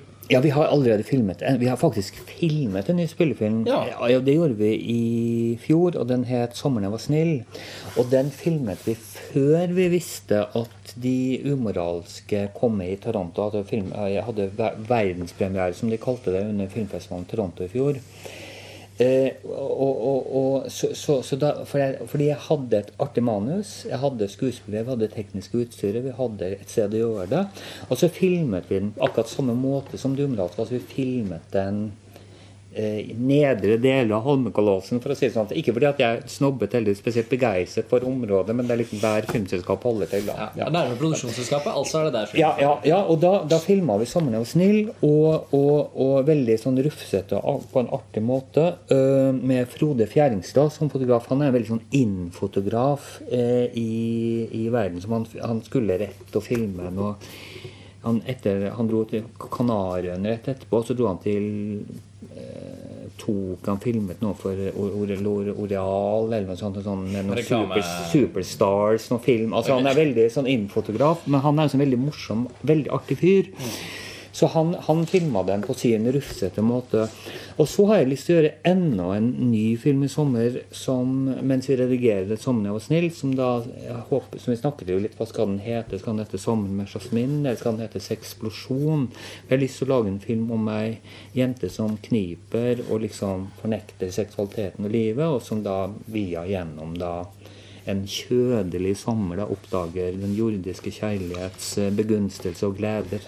Han, Francois Ozon han hadde en ny film i fjor i Cannes Ja, som heter Jeune et Jolie. Og, og De første ti minuttene av den filmen ligner litt på det. Det handler om en jente som, som får sin seksuelle oppvåkning, men også bestemmer seg for at hm, dette vil jeg bruke til noe. Så hun bestemmer seg for å starte sånn eh, prostitusjonsvirksomhet sånn på ja. fritiden ved siden Ja. av å gå på videregående. Ja. Og ikke ut av lidelse, men rett og slett ut av en form for sånn lyst, lyst og nysgjerrighet. Nysgjerrighet. Og det skapte veldig mye debatt i Cannes i fjor, eh, fordi filmen var litt sånn at det var liksom greit. Da. Den forskjønnet jo Ja, den forskjønnet det. ja. Og, det, og den kommer på kino i juli, faktisk. Ja, den filmen. Men, eh, men det, og det er jo en tematikk også apropos Dette virker Innhold, da. Altså Dette premisset er også uhyre likt debutfilmen til Katrin Breijat. Som hun lagde på 70-tallet. Og så gikk det fryktelig lang tid før hun fikk laget Ja. noe mer film. Og jeg vet ikke helt hva som skjedde med det. Har du sett, hvis du ikke har sett den, så må du se den som inspirasjon. Fordi selv om, heter den, da? Ja, det var Ja. For selv om fordi Du sa at de umoralske ikke nødvendigvis ligner Du sa innledningsvis at de umoralske ikke nødvendigvis ligner på noen spesifikk film. eller noe sånt Men det morsomme for vår del er at liksom nesten vi anser det som jobben vår å finne ut hva en film kan ligne på av Ja. tidligere referanser. Eller sånn. Så det er ikke noe press når vi sier Nei, nei, det er, noe, nei, nei, nei, det er noen nei. tilhørigheter. Men jeg tenkte litt på, på Greg Arakis Kaboom også da jeg så De umoralske, forresten. Ja. Uh, uten samling for øvrig, men også en sånn derre Det er befriende når man En kan se eh, fin frie kunstnere jobber med film. på en Mm, måte som, vi var, som Dette var jo noe av det vi start, snakket om tidligst i, dette, i denne episoden av Filmfrelst. Men, men uh, nye filmer uh, Apropos det, Nå snakket du om den som du filmet i fjor. Som het 'Sommeren jeg var snill', som handler om en mann, eller en ung, ung mann, da, som tror på det kvinner sier at det kvinner vil ha av en mann. Fordi kvinner sier jo gjerne én ting. Bare det eh, hennes munn sier ja, nei, men hennes øyne sier ja. Ikke sant? Altså, han tror på det at hvis du bare er god og snill og gjør som kvinnene sier, så vil de ha deg. Ja. Det var sånn- fjorårets problem. Ja, det skjønner jeg de Og den fleste. om men Jasmin altså- er den dere skal filme i ja, det er, ja okay. hvis jeg får det til. Ja. Eh, for da må jeg bruke kredittkortet mitt, og det liker det ikke. Fordi jeg, Bare øker den grensen, og så er det ja, jeg har, ja, ja, jeg kunne faktisk økt den til 200 000, men, det har jeg, det, men jeg tenkte at det, det, det tør jeg ikke. Så den er på 60 000 nå, da. Men jeg, faktisk, jeg, jeg var en veldig dårlig betaler i gamle dager, men så døde dessverre min mor, som jeg var veldig glad i da. For noen år siden, og så arvet jeg litt av henne og fikk betalt all delen min. Så siden har jeg liksom bestemt for at nå skal jeg være en god betaler resten av mitt liv. For jeg orker ikke telefoner med ukjent nummer, og som er fra Lindorf. Og, hvis Ja, ja. Den skrekken der. Ja. Men, men, men, men, men, Men du lever jo et ganske asketisk liv på en Ja, måte. veldig stille, veldig rolig. Du Veldig, bor på et ja. rom i et kunstnerkollektiv Ja. på, Det er vel på Frogner, kanskje? Ja, ja, i Løvensås gate. Det er pene omgivelser, men, pen, fint skal det være om ræva henger bar, som de sa i gamle dager. Men jeg vil holde fast til dette Meget asketisk liv. Faktisk veldig stille asketisk. Ja. Jo. Jeg, jeg, bare disse med, med de nye filmene Jeg synes det er oppmuntrende uansett hvem det er vi snakker med. Så er det jo alltid oppmuntrende hvis en regissør er klar med en ny film, og det er ting på gang.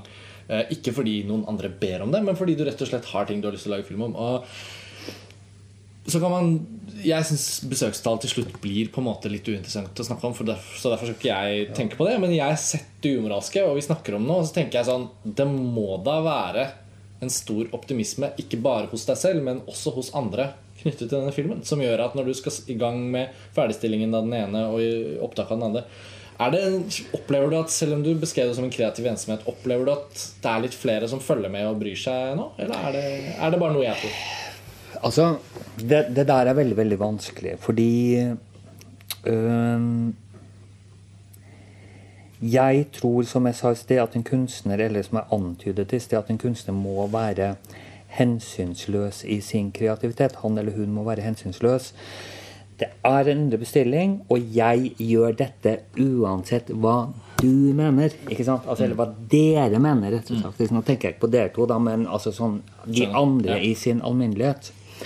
Eh, det, som er, det som er problemet, er jo at veldig mange mennesker tror jeg har sansen for min litt sånn motkulturelle, opprørske stemme.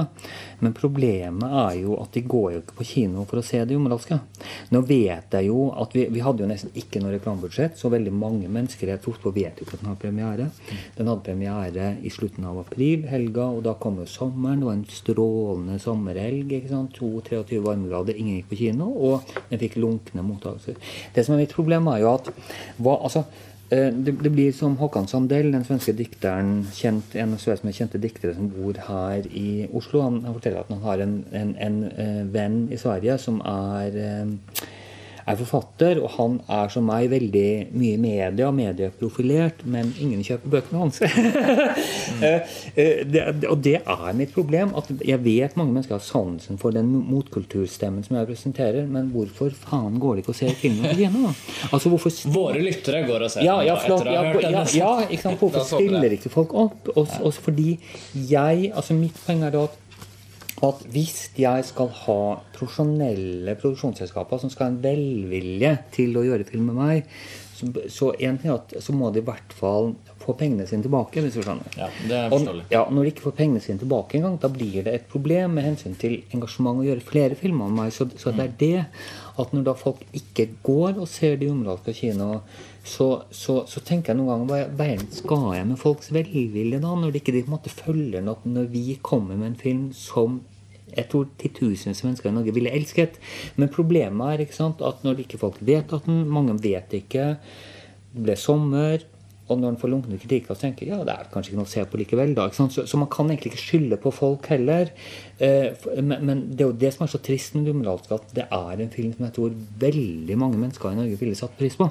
Men har dere vurdert en nesten mer sånn å reise på turné? Altså, jeg tenker på Ja. lanseringsstrategiene til mange kinodokumentarer Ja. de siste året og sånn, har vært vellykket for å droppe de store byene og gå sånn liten kino etter liten kino, sånn som den der Folk ved fjorden og sånn. Solgte jo til slutt 35 000 kinobilletter, eller sånt, men i løpet av et helt år. Ja. Kino for kino, eh, liksom det, det var hands on. Det er, det er jo noe med distribusjonen som vi ikke har løst i Norge Ja. heller. Det gjelder ikke bare de umoralske. Denne våren har jo vært stappfull av filmer som, som bare noen tusen har sett. Ja. Og Fem løgner solgte vel nesten 17 000 kinobilletter Ja, i 2007.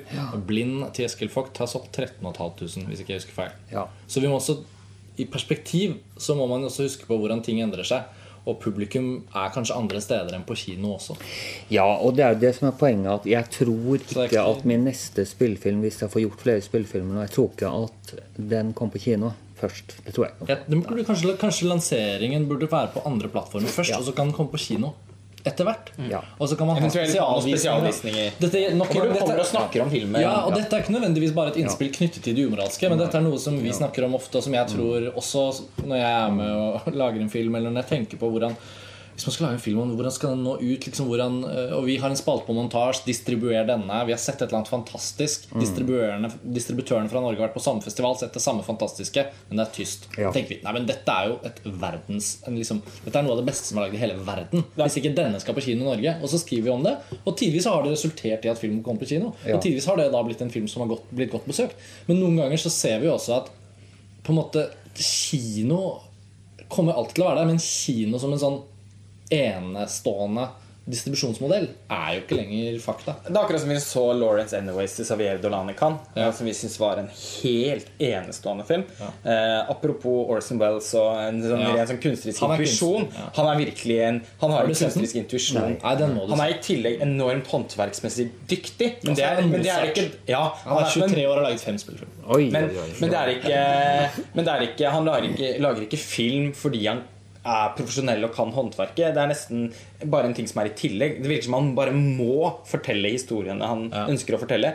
Og så har han den, er han gudebenådet med noen helt fantastiske evner rent håndverksmessig i tillegg da, til den der sylskarpe, levende, sånn brennende eh, Ja. kunstneriske stemmen som han bærer på. da Og Han har en ny film i hovedkonkurransen i Cannes i år som heter 'Mommy', som vi gleder oss veldig til å se.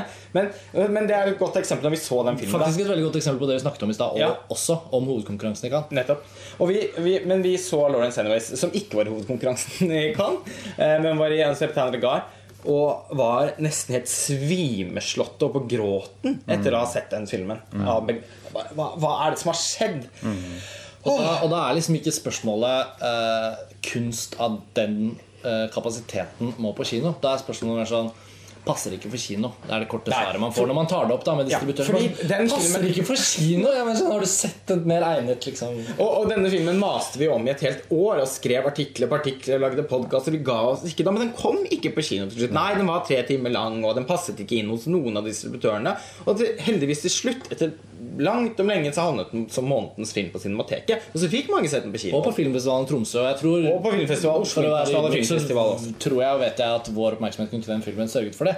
Men det er bare et eksempel på hvor Altså bare vi, med vårt tidsskrift og det vi, de vi kan nå ut til Uansett hvor hardt vi ville slått på trommene for, eh, for en film, så, så er det jo et tegn i tiden om at eh, kravet på publikums oppmerksomhet og, og også da formidleres interesse for å bidra Det er, det er, en, hard, det er en lang oppoverbakke. Og og så sitter jeg og tenker at for Lawrence, Så sånn sett for Lawrence Anyways alene. Og så tenker jeg for Lawrence Anyways sin, bare for å fortsette å ta den som eksempel da. Dens reise i Norge. Kanskje var det helt riktig. Kanskje var det riktig at vi lagde en nesten mystikk rundt hvor fantastisk den filmen var. Og at Først fikk noen sett den på filmfestivalen i Oslo, og så i Tromsø. Og så kom den som månedens film på Cinemateket. Jeg tror den var relativt godt besøkt. Og kanskje var det det den trengte. Og så har folk sett den på video og sett den flere ganger og anbefalt den, og så er den på VO. Eller, altså, altså, eh, det er mange måter en film kan få et liv på, og det tenker jeg med de umoralske også. da Selv om den filmen ikke gjør det så bra på kino nå, og du sier at folk går ikke og ser den, det hadde vært pent vær. Og kanskje Altså, jeg tenker at den, den filmens liv vil jo fortsette. Og eh, det kan jo også du bidra til at eh, kan skje på eh, på en best mulig måte. da Gjennom f.eks. å dra rundt med filmen, vise den, snakke om den. Eh, Ja, det, det vi, vi skal jo jobbe for å få den på flere internasjonale filmfestivaler. Eh, Den den hadde jo premiere på Toronto, og vi skal jobbe med, nå med flere. Da. Vi har bare ikke hatt tid og anledning til å prioritere det så langt. Og så er det også snakk om eventuelt den på Netflix også, eller noe sånt. Altså at vi får den ut på nettet. Eh, altså Det er det, altså, det, det er veldig vanskelig det, det, det, er veldig vanskelig å eh, ville fortelle historier i utgangspunktet som hvor, hvor man ikke har tenkt marked. Ikke sant? Fordi fordi det du syns er interessant, og det du vil fortelle, det er ikke noe nødvendig som andre syns er interessant, og, som, og fortellinger andre vil høre.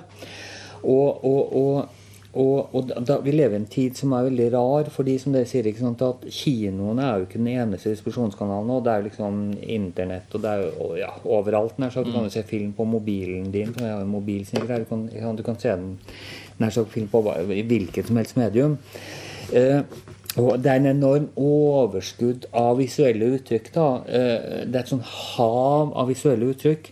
Og som kunstner så syns jeg Jeg, jeg synes jo det er en veldig, på mange måter en sånn trist tid å leve i. For det første så er det, er jo ingen som sagt, som sagt politisk idealisme, altså noen sånn frelseroppgave som noen kunstnere i dag føler liksom at de kan ha da ut fra en sånn en annen slags politisk overbevisning, for det er liksom helt borte.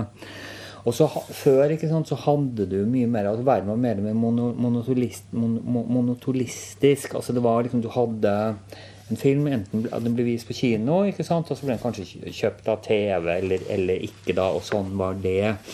Og det var såpass få filmer også at alle visste ikke sant, om at ja, nå kommer den filmen, og den er, den er sånn og sånn og sånn. Mens i dag liksom, det er liksom en liten sånn dråpe i et hav av alt mulig rart. Og, og eh, jeg, jeg tenker veldig ofte at, at eh, jeg, som jeg, sa i et intervju i Dagbladet at om jeg har fått Oscar om ti år, eller om jeg er uføretrygda, er nesten litt, litt sånn likegyldig for meg så, så lenge jeg har det bra, bra med meg sjøl.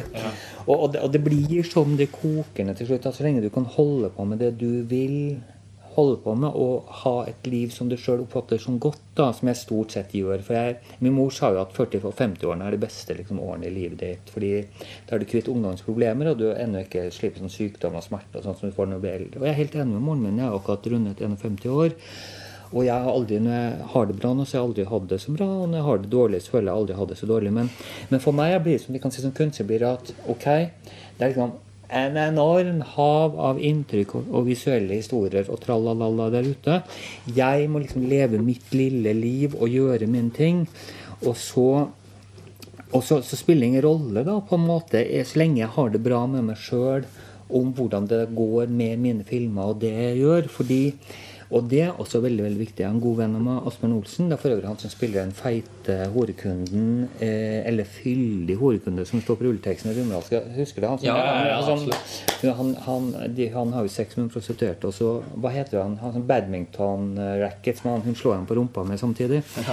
Han, ple- han sa jo noe til meg for en del år siden, og vi pleier å spise middag en gang i uka oppe på Sandaker, hvor han bor, da, som han sa at eh, vi, vi, altså, hvis du skal få et godt liv, så må du slutte å sammenligne deg med andre mennesker. Og, og det er helt riktig, fordi på alle felter, både utseende, forme, kunnskap, sjarm Altså på alle felter så er det et menneske som er mye mer enn det du sjøl er. Du må, slik at, Det er vanskelig fordi vi er sosiale dyr, men jeg kom til det som kunstner, også med det umoralske og håper å lage nye filmer, at jeg kan ikke sammenligne meg. Ikke? Jeg, altså jeg kan ikke sammenligne Jeg elsker Pasolini, men jeg kan ikke sammenligne meg, for jeg er ikke Pasolini. Jeg, er ikke, jeg elsker Fellini, men jeg, jeg er ikke han. Jeg elsker Godard, men jeg er ikke Godard. Altså jeg, jeg har sansen for mye av Bergman har gjort. Han er ikke noen sånn storfavoritt, men jeg er ikke Bergman.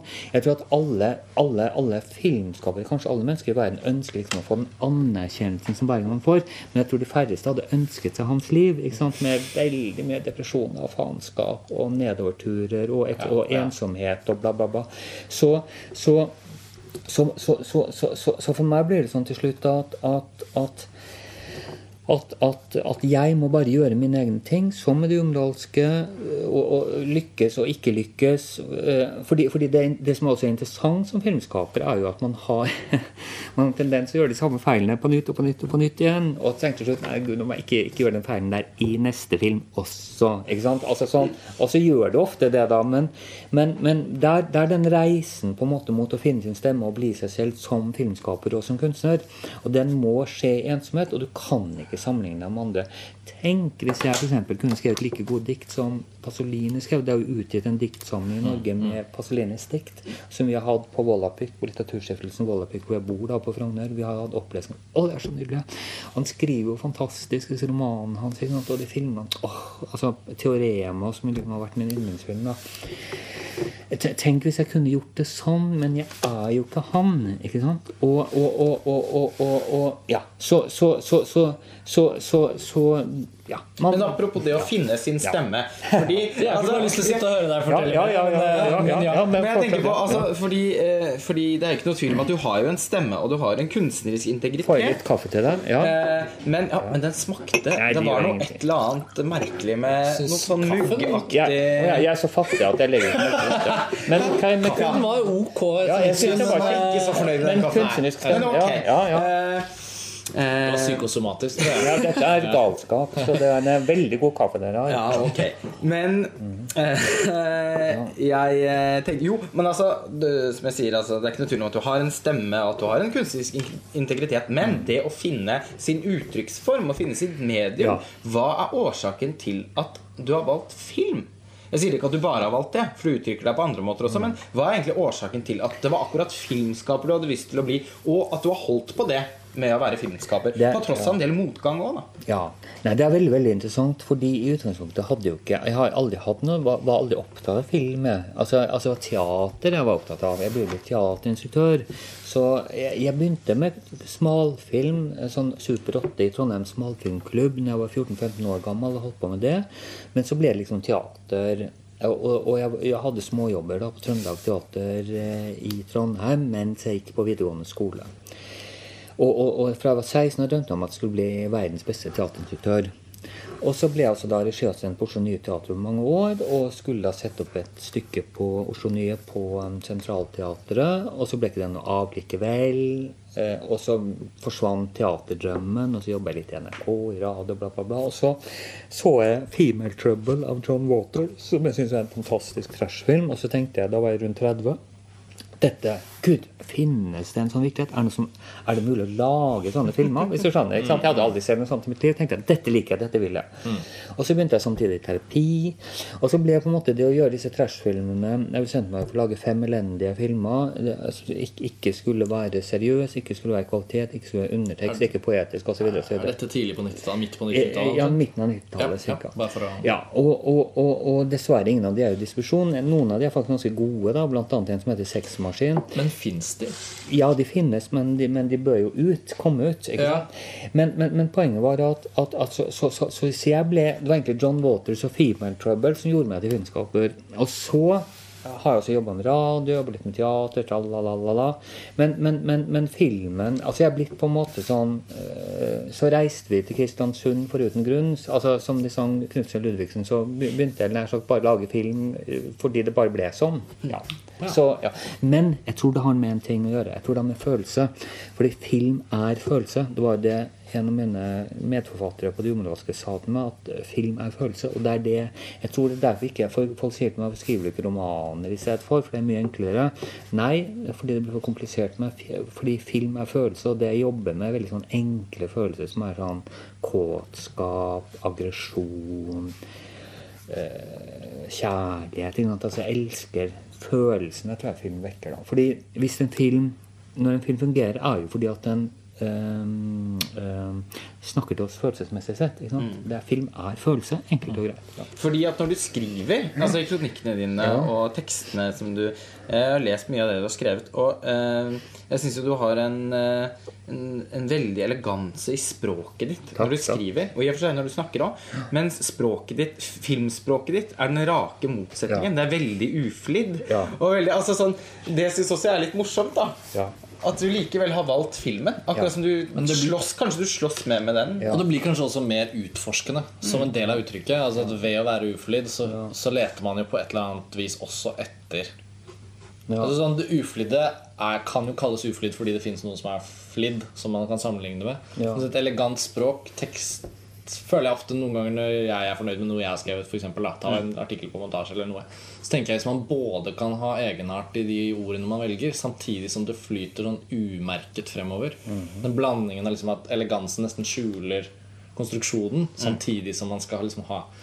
Mens med film, så hvis du skal begynne sånn, så så er du inne på noe annet. Ja, Ja, jeg, jeg, liker, Ja. jeg liker bedre at filmens språk kan få lov å ha i det minste en sånn emosjonell energi. Den trenger ikke alltid være uflidd. Det er jo filmskapere jeg elsker, du elsker, som er, sånn, som er perfeksjonister, Mm. eh, men som samtidig har nettopp det. Den emosjonelle energien. Apropos Apropos ingenting. Og, og, og, og så, da skal jeg være helt ærlig og si det etter at jeg husker når jeg så Fem eh, løgner da den kom, så hadde jeg fulgt med på det ganske lenge i, som, som en offentlig person. Da, ikke sant? Og da husker jeg sa- det var mange en samtale hvor jeg sa Du, han, Lars Daniel Krutskov jeg, tror- jeg vet ikke om det er film han skal holde på med. Husker jeg tenkte kanskje Og jeg tenkte akkurat det som eventuelt du sikkert har hørt fra Kanskje han burde- han burde nok skrive romaner. Ja. Eh, skrive en bok om Norge i dag. Det kunne vært spennende. Den filmen, det. Men så har jeg jo skjønt Og så har jeg liksom fått Men så har jeg skjønt i etterkant når jeg har fått med meg at du holder på med andre ting, så jeg, nei, ok, det er noe et eller annet, det er noe mer her. Og så ser jeg jo de umoralske, og så tenker jeg at ja, for guds skyld, du må jo lage film.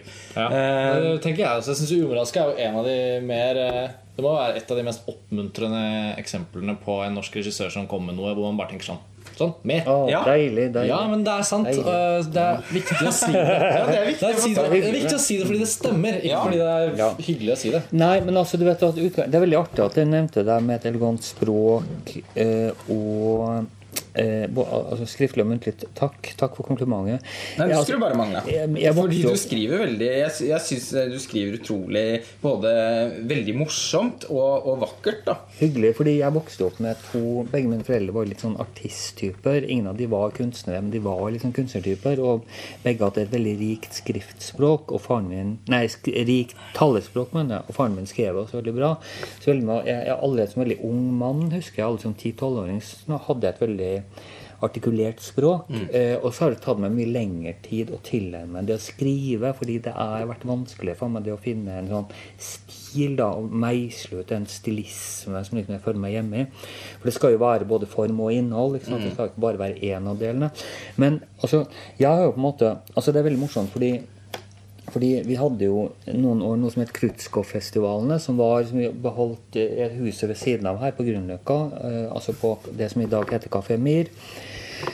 Og, og det var jo sånne trash-festivaler, og da husker jeg temaet for en av festivalene er Har elegantieren en, eller Kan elegantieren spille en rolle i informasjonssamfunnet? Ja, det var, Dette var veldig koko-festival. Da. Og, og det var, og for meg er det det at det å kunne være en el- elegantier og en slags eh, åndens aristokrat har vært veldig veldig viktig for meg.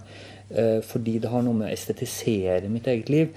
Noe som er veldig fint med å bo på Frogner, i Løvenskiolds gate, er at det er veldig vakkert der. Og det har en slags verdighet over seg, en skjønnhet og verdighet.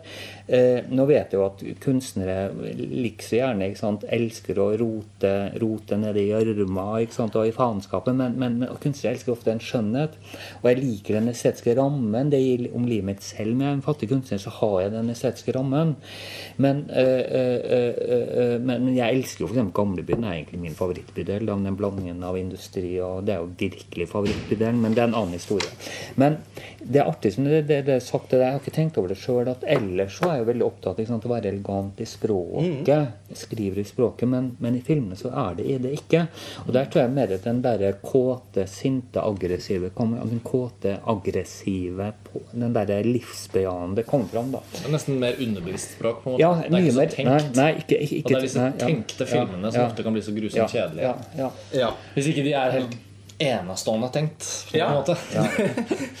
Fordi, fordi jeg for eksempel, jeg synes det er sånn hvem, hva, er det vidun, hva slags karakterer er vidunderlig på filmer? da? Jo, eh, Einar Sverdrup snakker om han der med, medmannsforfatteren han snakker mye om at en filmkarakter, hvis den skal være interessant eller skal få sympati for at man må ha energi. Ikke sant? Kan ikke, den man må ha energi, og da får du til med sympati med massemordere på film og de mest grusomme despoter. Det jeg liker med hovedkarakterer, det er jo et bilde her, ser jeg fra en av kritikkene her, den som heter 'Film for kunstens skyld', verst at han Kjetil skredde at enten på film så må man være pen eller typete, mener jeg. Altså skal, det må være noe å se på. Altså det må være noe du har lyst å se på. Og jeg, eh, jeg, jeg, jeg elsker også det at hvis jeg jeg kan bli litt sånn kåt av å se på mine egne filmer. Altså hvis Det er noen sånn, det sånn scener som jeg selv kan bli kåt av. og Gå og ta med en runk. Altså, altså sånn, det, jeg, jeg, jeg liker det også. At, og jeg, jeg elsker også universer som er litt sånn sexifisert og full av erotikk og groteskerier og grenseoverskridende. Fordi jeg blir, blir sånn kåt av det sjøl. Bare, jeg bare sier det til dere to, da, ikke til noen andre. eh, og jeg, jeg skriver, driver nå og jobber med en tekst Gudene vet om jeg får utgitt en gang. En, en romantekst som heter eh, 'Kjærlighetens prostitusjonsmanualer'. Som handler om en fyr Han er en ung mann som er Han er sønn av en pepperkakefabrikant. Og eh, etter hvert har dette blitt en av verdens største kjeksfabrikker. En interkontinental kjeksfabrikk. da, Derav kalles han også av kameratene så, Han kalles Pepperkaka, da. Det lover godt. Ja. Og, og, det, det, det er sånn Fra første øyeblikk sant, så er det fullt av, av sånn veldig, jeg tror et elegant språk, hvert synes jeg sjøl, og full av porno og, og groteskerier og porno. Og, og jeg merker at jeg elsker det, og at jeg blir kåt av det.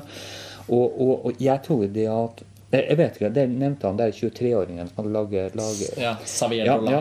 Altså jeg, jeg tror på en måte at det er viktig som filmskaper at enten så må du bli kåt av filmene dine, eller så må du ha en sånn, føle en sånn inderlig, sjelelig glede for å se på det. ikke sant? For det kan jo også være to forskjellige Det er sånn. Tarkovskij eller De Palma. Ja, ja, rett og slett. Ja, det, altså, det må være enten eller. Enten, bli, enten må du glede, hjertet og sjelen din gledes, eller du må bli kåt.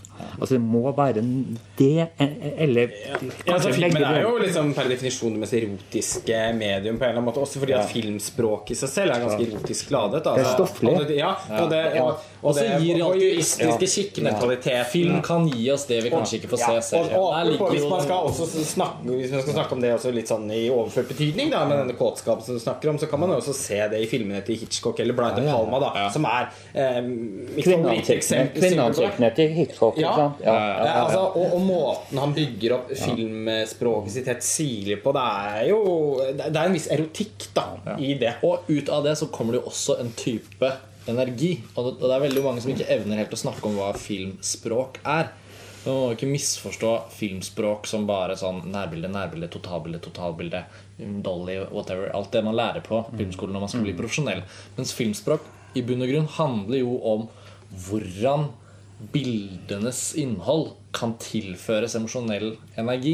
Og for- dels hvordan det kan forplante seg videre. Og det kan, han- og det kan Og da- handle om overskridelse. Nettopp, og Altså, da sånn- kan det være om, om, om, om, Ja, som du setter ord på nå, om det er en form for sånn erotisk liksom, understrømning. Og den kan også være, som du nesten sa, da i overført betydning ikke nødvendigvis bare konkret handle om det, men at den strekker seg videre inn i hvordan man leser bildene. Da. Ja. Og hvis filmskaperne tilfører noe sånt, så gjør man jo det viktigste for publikum. Og liksom Og det, å, og det å tøyle strikken, sånn som Brian De Palma gjør da, i noen av sine Ja. mest berømte sekvenser, hvor han bare lar det Han, han drar strikken lenger og Vi lenger. skjønner at vi, vi skal få se noe, Ja. men vi får liksom aldri Hvor lenge skal han holde på denne sekvensen? Altså, Om man ser for seg hans opphisselse bak kamera, og når han ser filmen han, han ser jo på seg selv som en mester, Ja. eh, med rette. Men altså sånn, man Jeg merker tror den også der han har funnet ut hvordan han skal være glad i seg selv. på en måte Nettopp. altså Gjennom å bare eh, eh, Han syns det er noe så dypt forførende med det han gjør med filmen som språk, eh, at eh, jeg vil tro at det er hans eh, Nå skal ikke dette handle så mye om Brian De Palma, som jeg er så begeistra for, og som alle lytterne våre sikkert vet at jeg er veldig opptatt av. Men altså den derre- det er nok hans kall, da. Det å, å, og Hitchcock sitt kall var å, eh, var å også å, å, å tøye øyeblikkene, skape suspens. Eh, så det jeg har inntrykk av at du egentlig sitter og sier, er at man kan ikke lage filmer som går på akkord med Nei. hva man selv har glede av. Nei, nei, nei, nei. Ikke bare med å lage filmen, men ved å se filmen. Men der oppstår jo også egentlig ditt filmspråk. da Ja, og altså, Hvis ja. du har eleganse i det skriftlige, så snakker vi jo egentlig om ditt filmspråk som denne Ikke nødvendigvis underbevisste. Det kan gjerne være en uttalt, men at den kommer fra en sånn emosjonell driv. Og Ja, og, og, ja, og, det, som, det som jeg har lyst til å jobbe litt med, er at eh, som jeg fikk kritikk av han derre i Dagsavisen Hva heter han? eh, han De umoralske. ja, de umoralske. Hva, hva heter han i Dagsavisen? Mode? Mode ja, ja, han skrev at at han, han har sammenlignet med Lars von Trier, hvor Lars von Trier var mer så konsistent og liksom gikk på en følelse, men her, her spilte han på flere følelser. Det som jeg, det, det som jeg på en måte syns er moro med det umoralske, er at, at eh, det er ikke en sånn, ofte en sånn konsistent følelse. At nå skal vi inn i et skrekkunivers, eller nå skal vi le, eller eh, nå skal vi som en pornofilm bli kåt. altså, altså eh, Den spiller på mange, mange følelser på en sånn gang. Du, du ler litt, det er litt trist, det er litt sånn ekkelt ekkelt og pin altså det, er, det, er, det, mange, mange, det er mange følelser samtidig. En sånn slags lapskaus. Mm.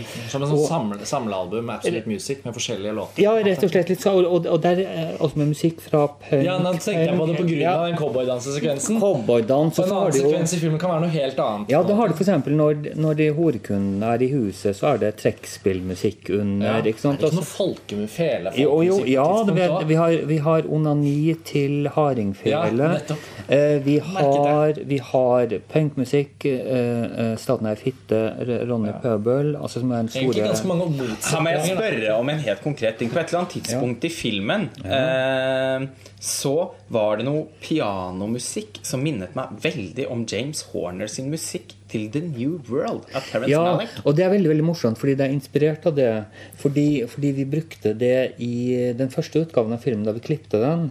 Og så ble det tatt bort. Og så, så er det helt riktig. Det er skissemusikk ja, ja, skissemusikk, ja, ja, så det, er- det er helt riktig. Så har altså, komponistene laget en nyversjonering av det. Så det er fra The New World? Ja, ja, ja da, ja da, ja da, ja da. Lars Ole, nå vant du akkurat en filmquiz. ja, ja, ja, ja. Og, men, det, men det jeg har lyst til å forske i, som jeg har lyst til å gjøre nå Jeg tenker at, uff, hvorfor, jeg tenker at hvorfor må jeg gjøre det? Jeg vet jo ikke sant, at du skal etablere et univers som er sånn, la oss si sånn Nå lager vi krim, og nå skal skummelt, skummelt, skummelt, skummelt, skummelt eller nå lager komedie, ha-ha-ha-ha, ikke sant?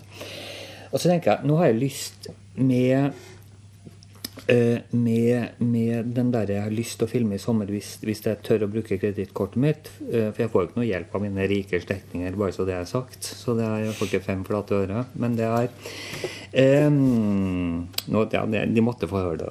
Det er litt for at det er um, Jeg er forbannet litt sint på dem. Men det er Mitt poeng er at For jeg er fattig, faktisk. da jeg, Altså, jeg, jeg bryr meg. Altså, um, det er jo en replikk i en film en trashfilm gjorde som du vet, kvinnfolk sier at uh, 'jeg bryr meg ikke om penger, for jeg er flørst av dem'. Jeg kan faktisk si at jeg bryr meg ikke om penger selv om jeg faktisk ikke har noe penger. da Så, er, så, så, så jeg skulle gjerne hatt 100 millioner kroner i banken og sagt 'jeg bryr meg ikke om penger, for jeg er flørst av dem', men dessverre, det er ikke situasjonen. Eh, Men hos mine slektninger er eh, er det situasjonen. Eh, Men nok om det. Jeg håper ikke de hører på dette her. Jeg er veldig glad i de også. Men, men poenget, mitt, poenget mitt er følgende at jeg har lyst nå med den filmen jeg skal prøve å filme til sommeren hvis jeg får det til, og tralalala, som jeg, vi snakket om, skal den hete 'Sommeren med Jasmin', eller skal den hete 'Sexplosjon'? Da, da. Jeg har lyst til å lage en film som er litt sånn som en eh, ung kvinne eller en mann bruker mediet i dag. At du liksom ser litt på film, og så sitter du litt og eh, chatter samtidig.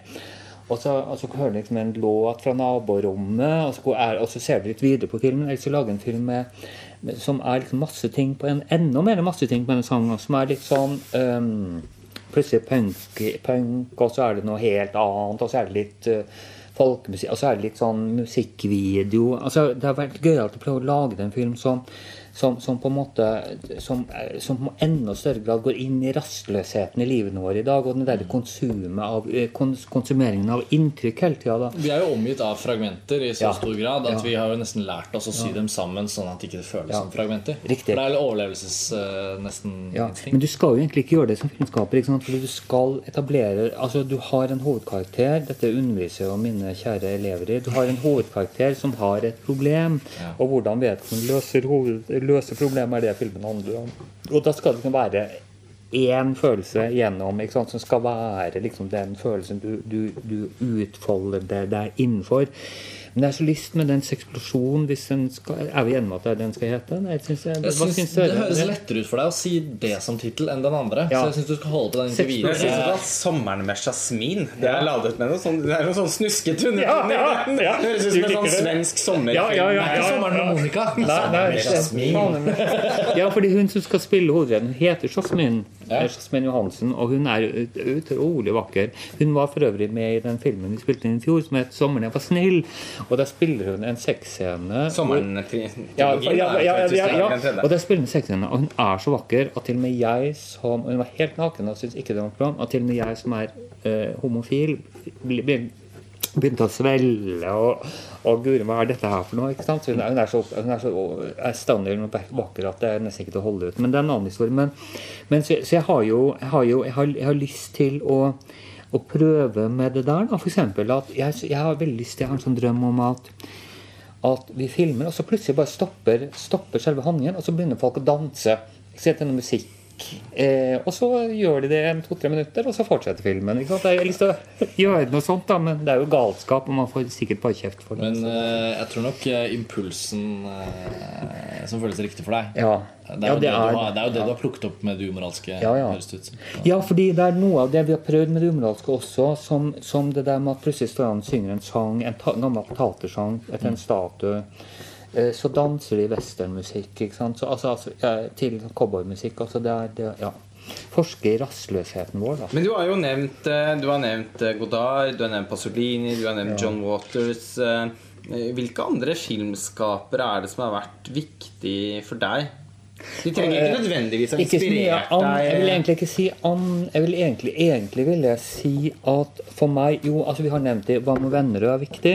Fordi de har en enorm fortellerkraft. De er underholdende. Eh, og, og så er det Godard med 'Til siste åndedrag'. Altså jeg, jeg er jo faktisk en av de her i landet som har sett flest Godard-filmer. For det, der vi bor, litt av Surskiften Vålapyk, så hadde vi gjennom ti år noe som het sånn Filmsøndager, hvor jeg faktisk sett på nesten hele Godard sin. Og det er godt gjort, altså. Fordi det er så mye kjedelige filmer han har gjort. også. Filmene fra de Siga Wert og Ja. Og sånn. eh, Ja, det, det er det ikke mange som har sett. Nei, nei, det er så kjedelig mye av det han har gjort. Men, men jeg, jeg venter meg til at en Godard-film skal man også kjede seg. Det, og alltid en Godard-film så er det sånn ti minutter inni hvor det, alt stopper opp en lang filosofisk samtale som man ikke skjønner noe av, og så fortsetter den. Så jeg har lært meg hele greia hans etter hvert. da. Men, men, eh, eh, men, men, altså eh, Hva med Vennerød? Godard og eh, Pasolini fordi jeg er så begeistret også f.eks. i Teorema. Da, jeg har jo sett den Jeg så den for mange år siden, og så, så jeg, har jeg sett den eh, to-tre ganger de siste månedene fordi vi har fått eh, DVD-en.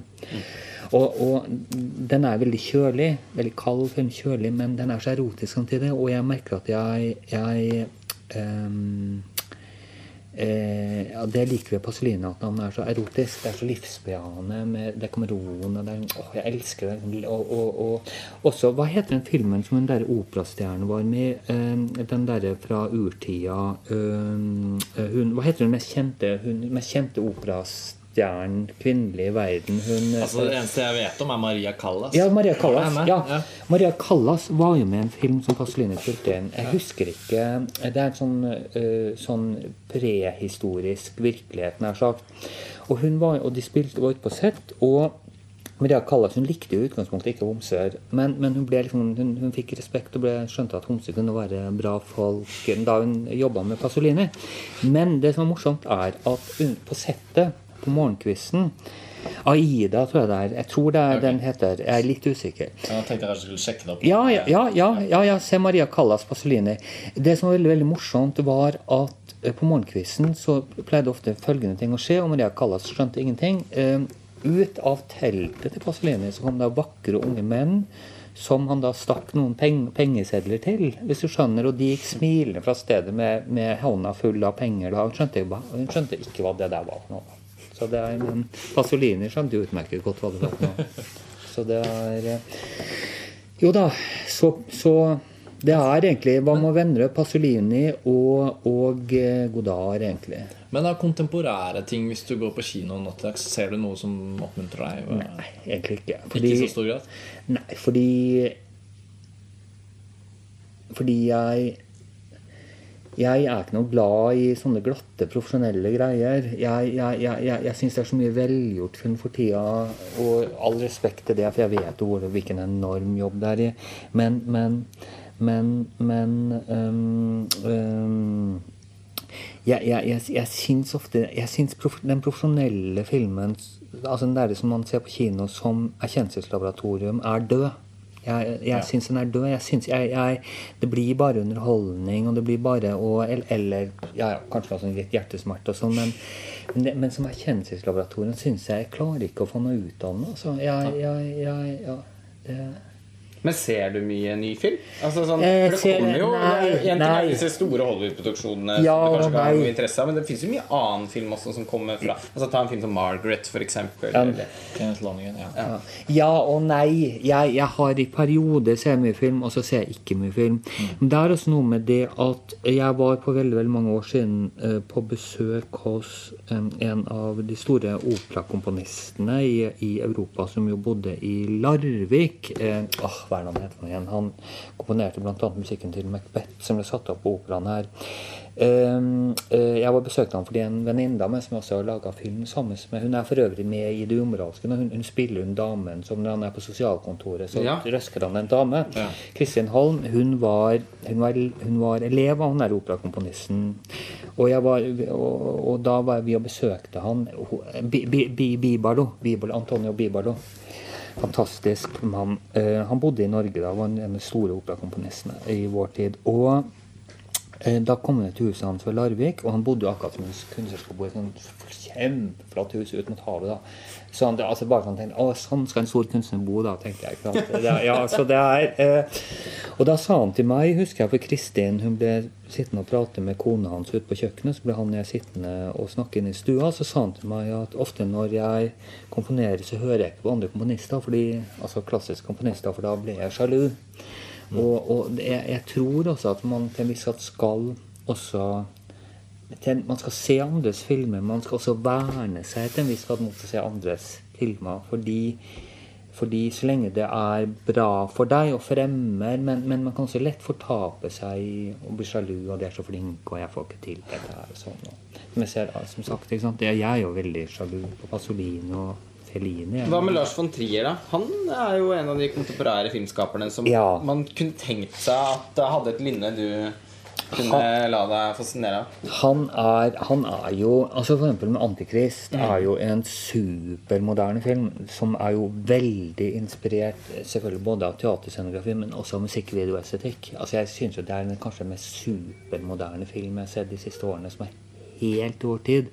Selv om jeg syns 'Antikrist' som tematikk Fordi jeg er liksom ferdig med den der djevelen-tematikken og alt. Jeg synes den For meg er ikke noe skummelt å se på det hele tatt. Fordi jeg trodde jo selv at jeg var at jeg, For jeg hadde mye aggresjonshemming og sånn. At jeg kanskje Gud, kanskje jeg selv var en djevel. Og, så jeg jobba masse med det i terapien og er ferdig med hele den greia. Så det er sånn gammelt skrapgods for meg. Og, og, men, men, men formmessig Jeg mener at han er vår tids eh, mest interessante filmskaper, i hvert fall i den vestlige verden. Uten tvil. altså. Men, men, men Og jeg har veldig enorm respekt. Den melankolia elsket jeg, og ikke minst avslutningen er jo bare astounding. ikke sant? Hvor du blir sittende hele salen. Jeg kan vanligvis bli sittende fire-fem minutter uten å si noe. Mm. det ble så Jeg så den sammen med moren min, og hun var helt, Ja, er jo helt sånn ja, ja. dundrende Ja. eh, rystet av filmen. På en Men, måte. ja, men, men, men poenget er at, at, at, at jeg kan allikevel ikke si at den er inspirert av han. altså. Det, men, men, men, men, men jeg elsker filmene hans likevel. Det, det, det gjør jeg. Og selvfølgelig eh, Roy Andersson er jo helt utrolig. Det er jo bare, Man må bare bøye seg i støvet. Men igjen handler det om ikke sant, det jeg sa i sted, som min gode venn Asbjørn Olsen sa. Horekunde, fyldig hodekunde i det umoralske. at du kan ikke sammenligne deg med andre mennesker. Da blir du ulykkelig. Da man må avlære seg det. Så man, vet, man, man må gjøre det man må gjøre som kunstner. Ferdig med det. Dere gjør det som dere gjør, med montasje og med, med filminteressen. Ja. Og med, ja. Vi er faktisk tomme for tid. Ja. Eh, Jeg tror vi kan vi, vi, Forhåpentligvis så får vi deg tilbake på Filmfest til å snakke mer om film og nye filmer og sånn i fremtiden. Men det har virkelig vært en stor glede at du ville komme og snakke med oss og dele dine refleksjoner og fortellinger med våre lyttere. Vi oppfordrer alle til å gå og se Det umoralske. Om ikke man rekker å se den på kino og høre på denne episoden lenger frem i tid, så vil det jo være en film man kan oppsøke. Og også, og også Fem løgner og kortfilm, novellefilmen din er vel tilgjengelig for de som har lyst til å sette seg inn i det du har laget. Men um, jeg bare syns det var Ja. Det var, jeg glemte helt at vi lagde podkast. Ja, denne denne samtalen har bare Ja, sprunget ut i masse retninger, men det har vært en Så- eh, men veldig tusen- fornøyelig for oss, i hvert fall. Tusen takk for det. Takk til dere. Og dere, montasje er det vakreste i verden. Det er den beste avslutningen Takk på en du. Filmfrelst-episode vi har hatt til nå. Takk for at dere lytter. Eh, Send mail eller kom med kommentarer hvis dere har noen innspill selv. Vi høres igjen om ikke så altfor lenge. Ha det bra. Ha det bra. Ha det bra.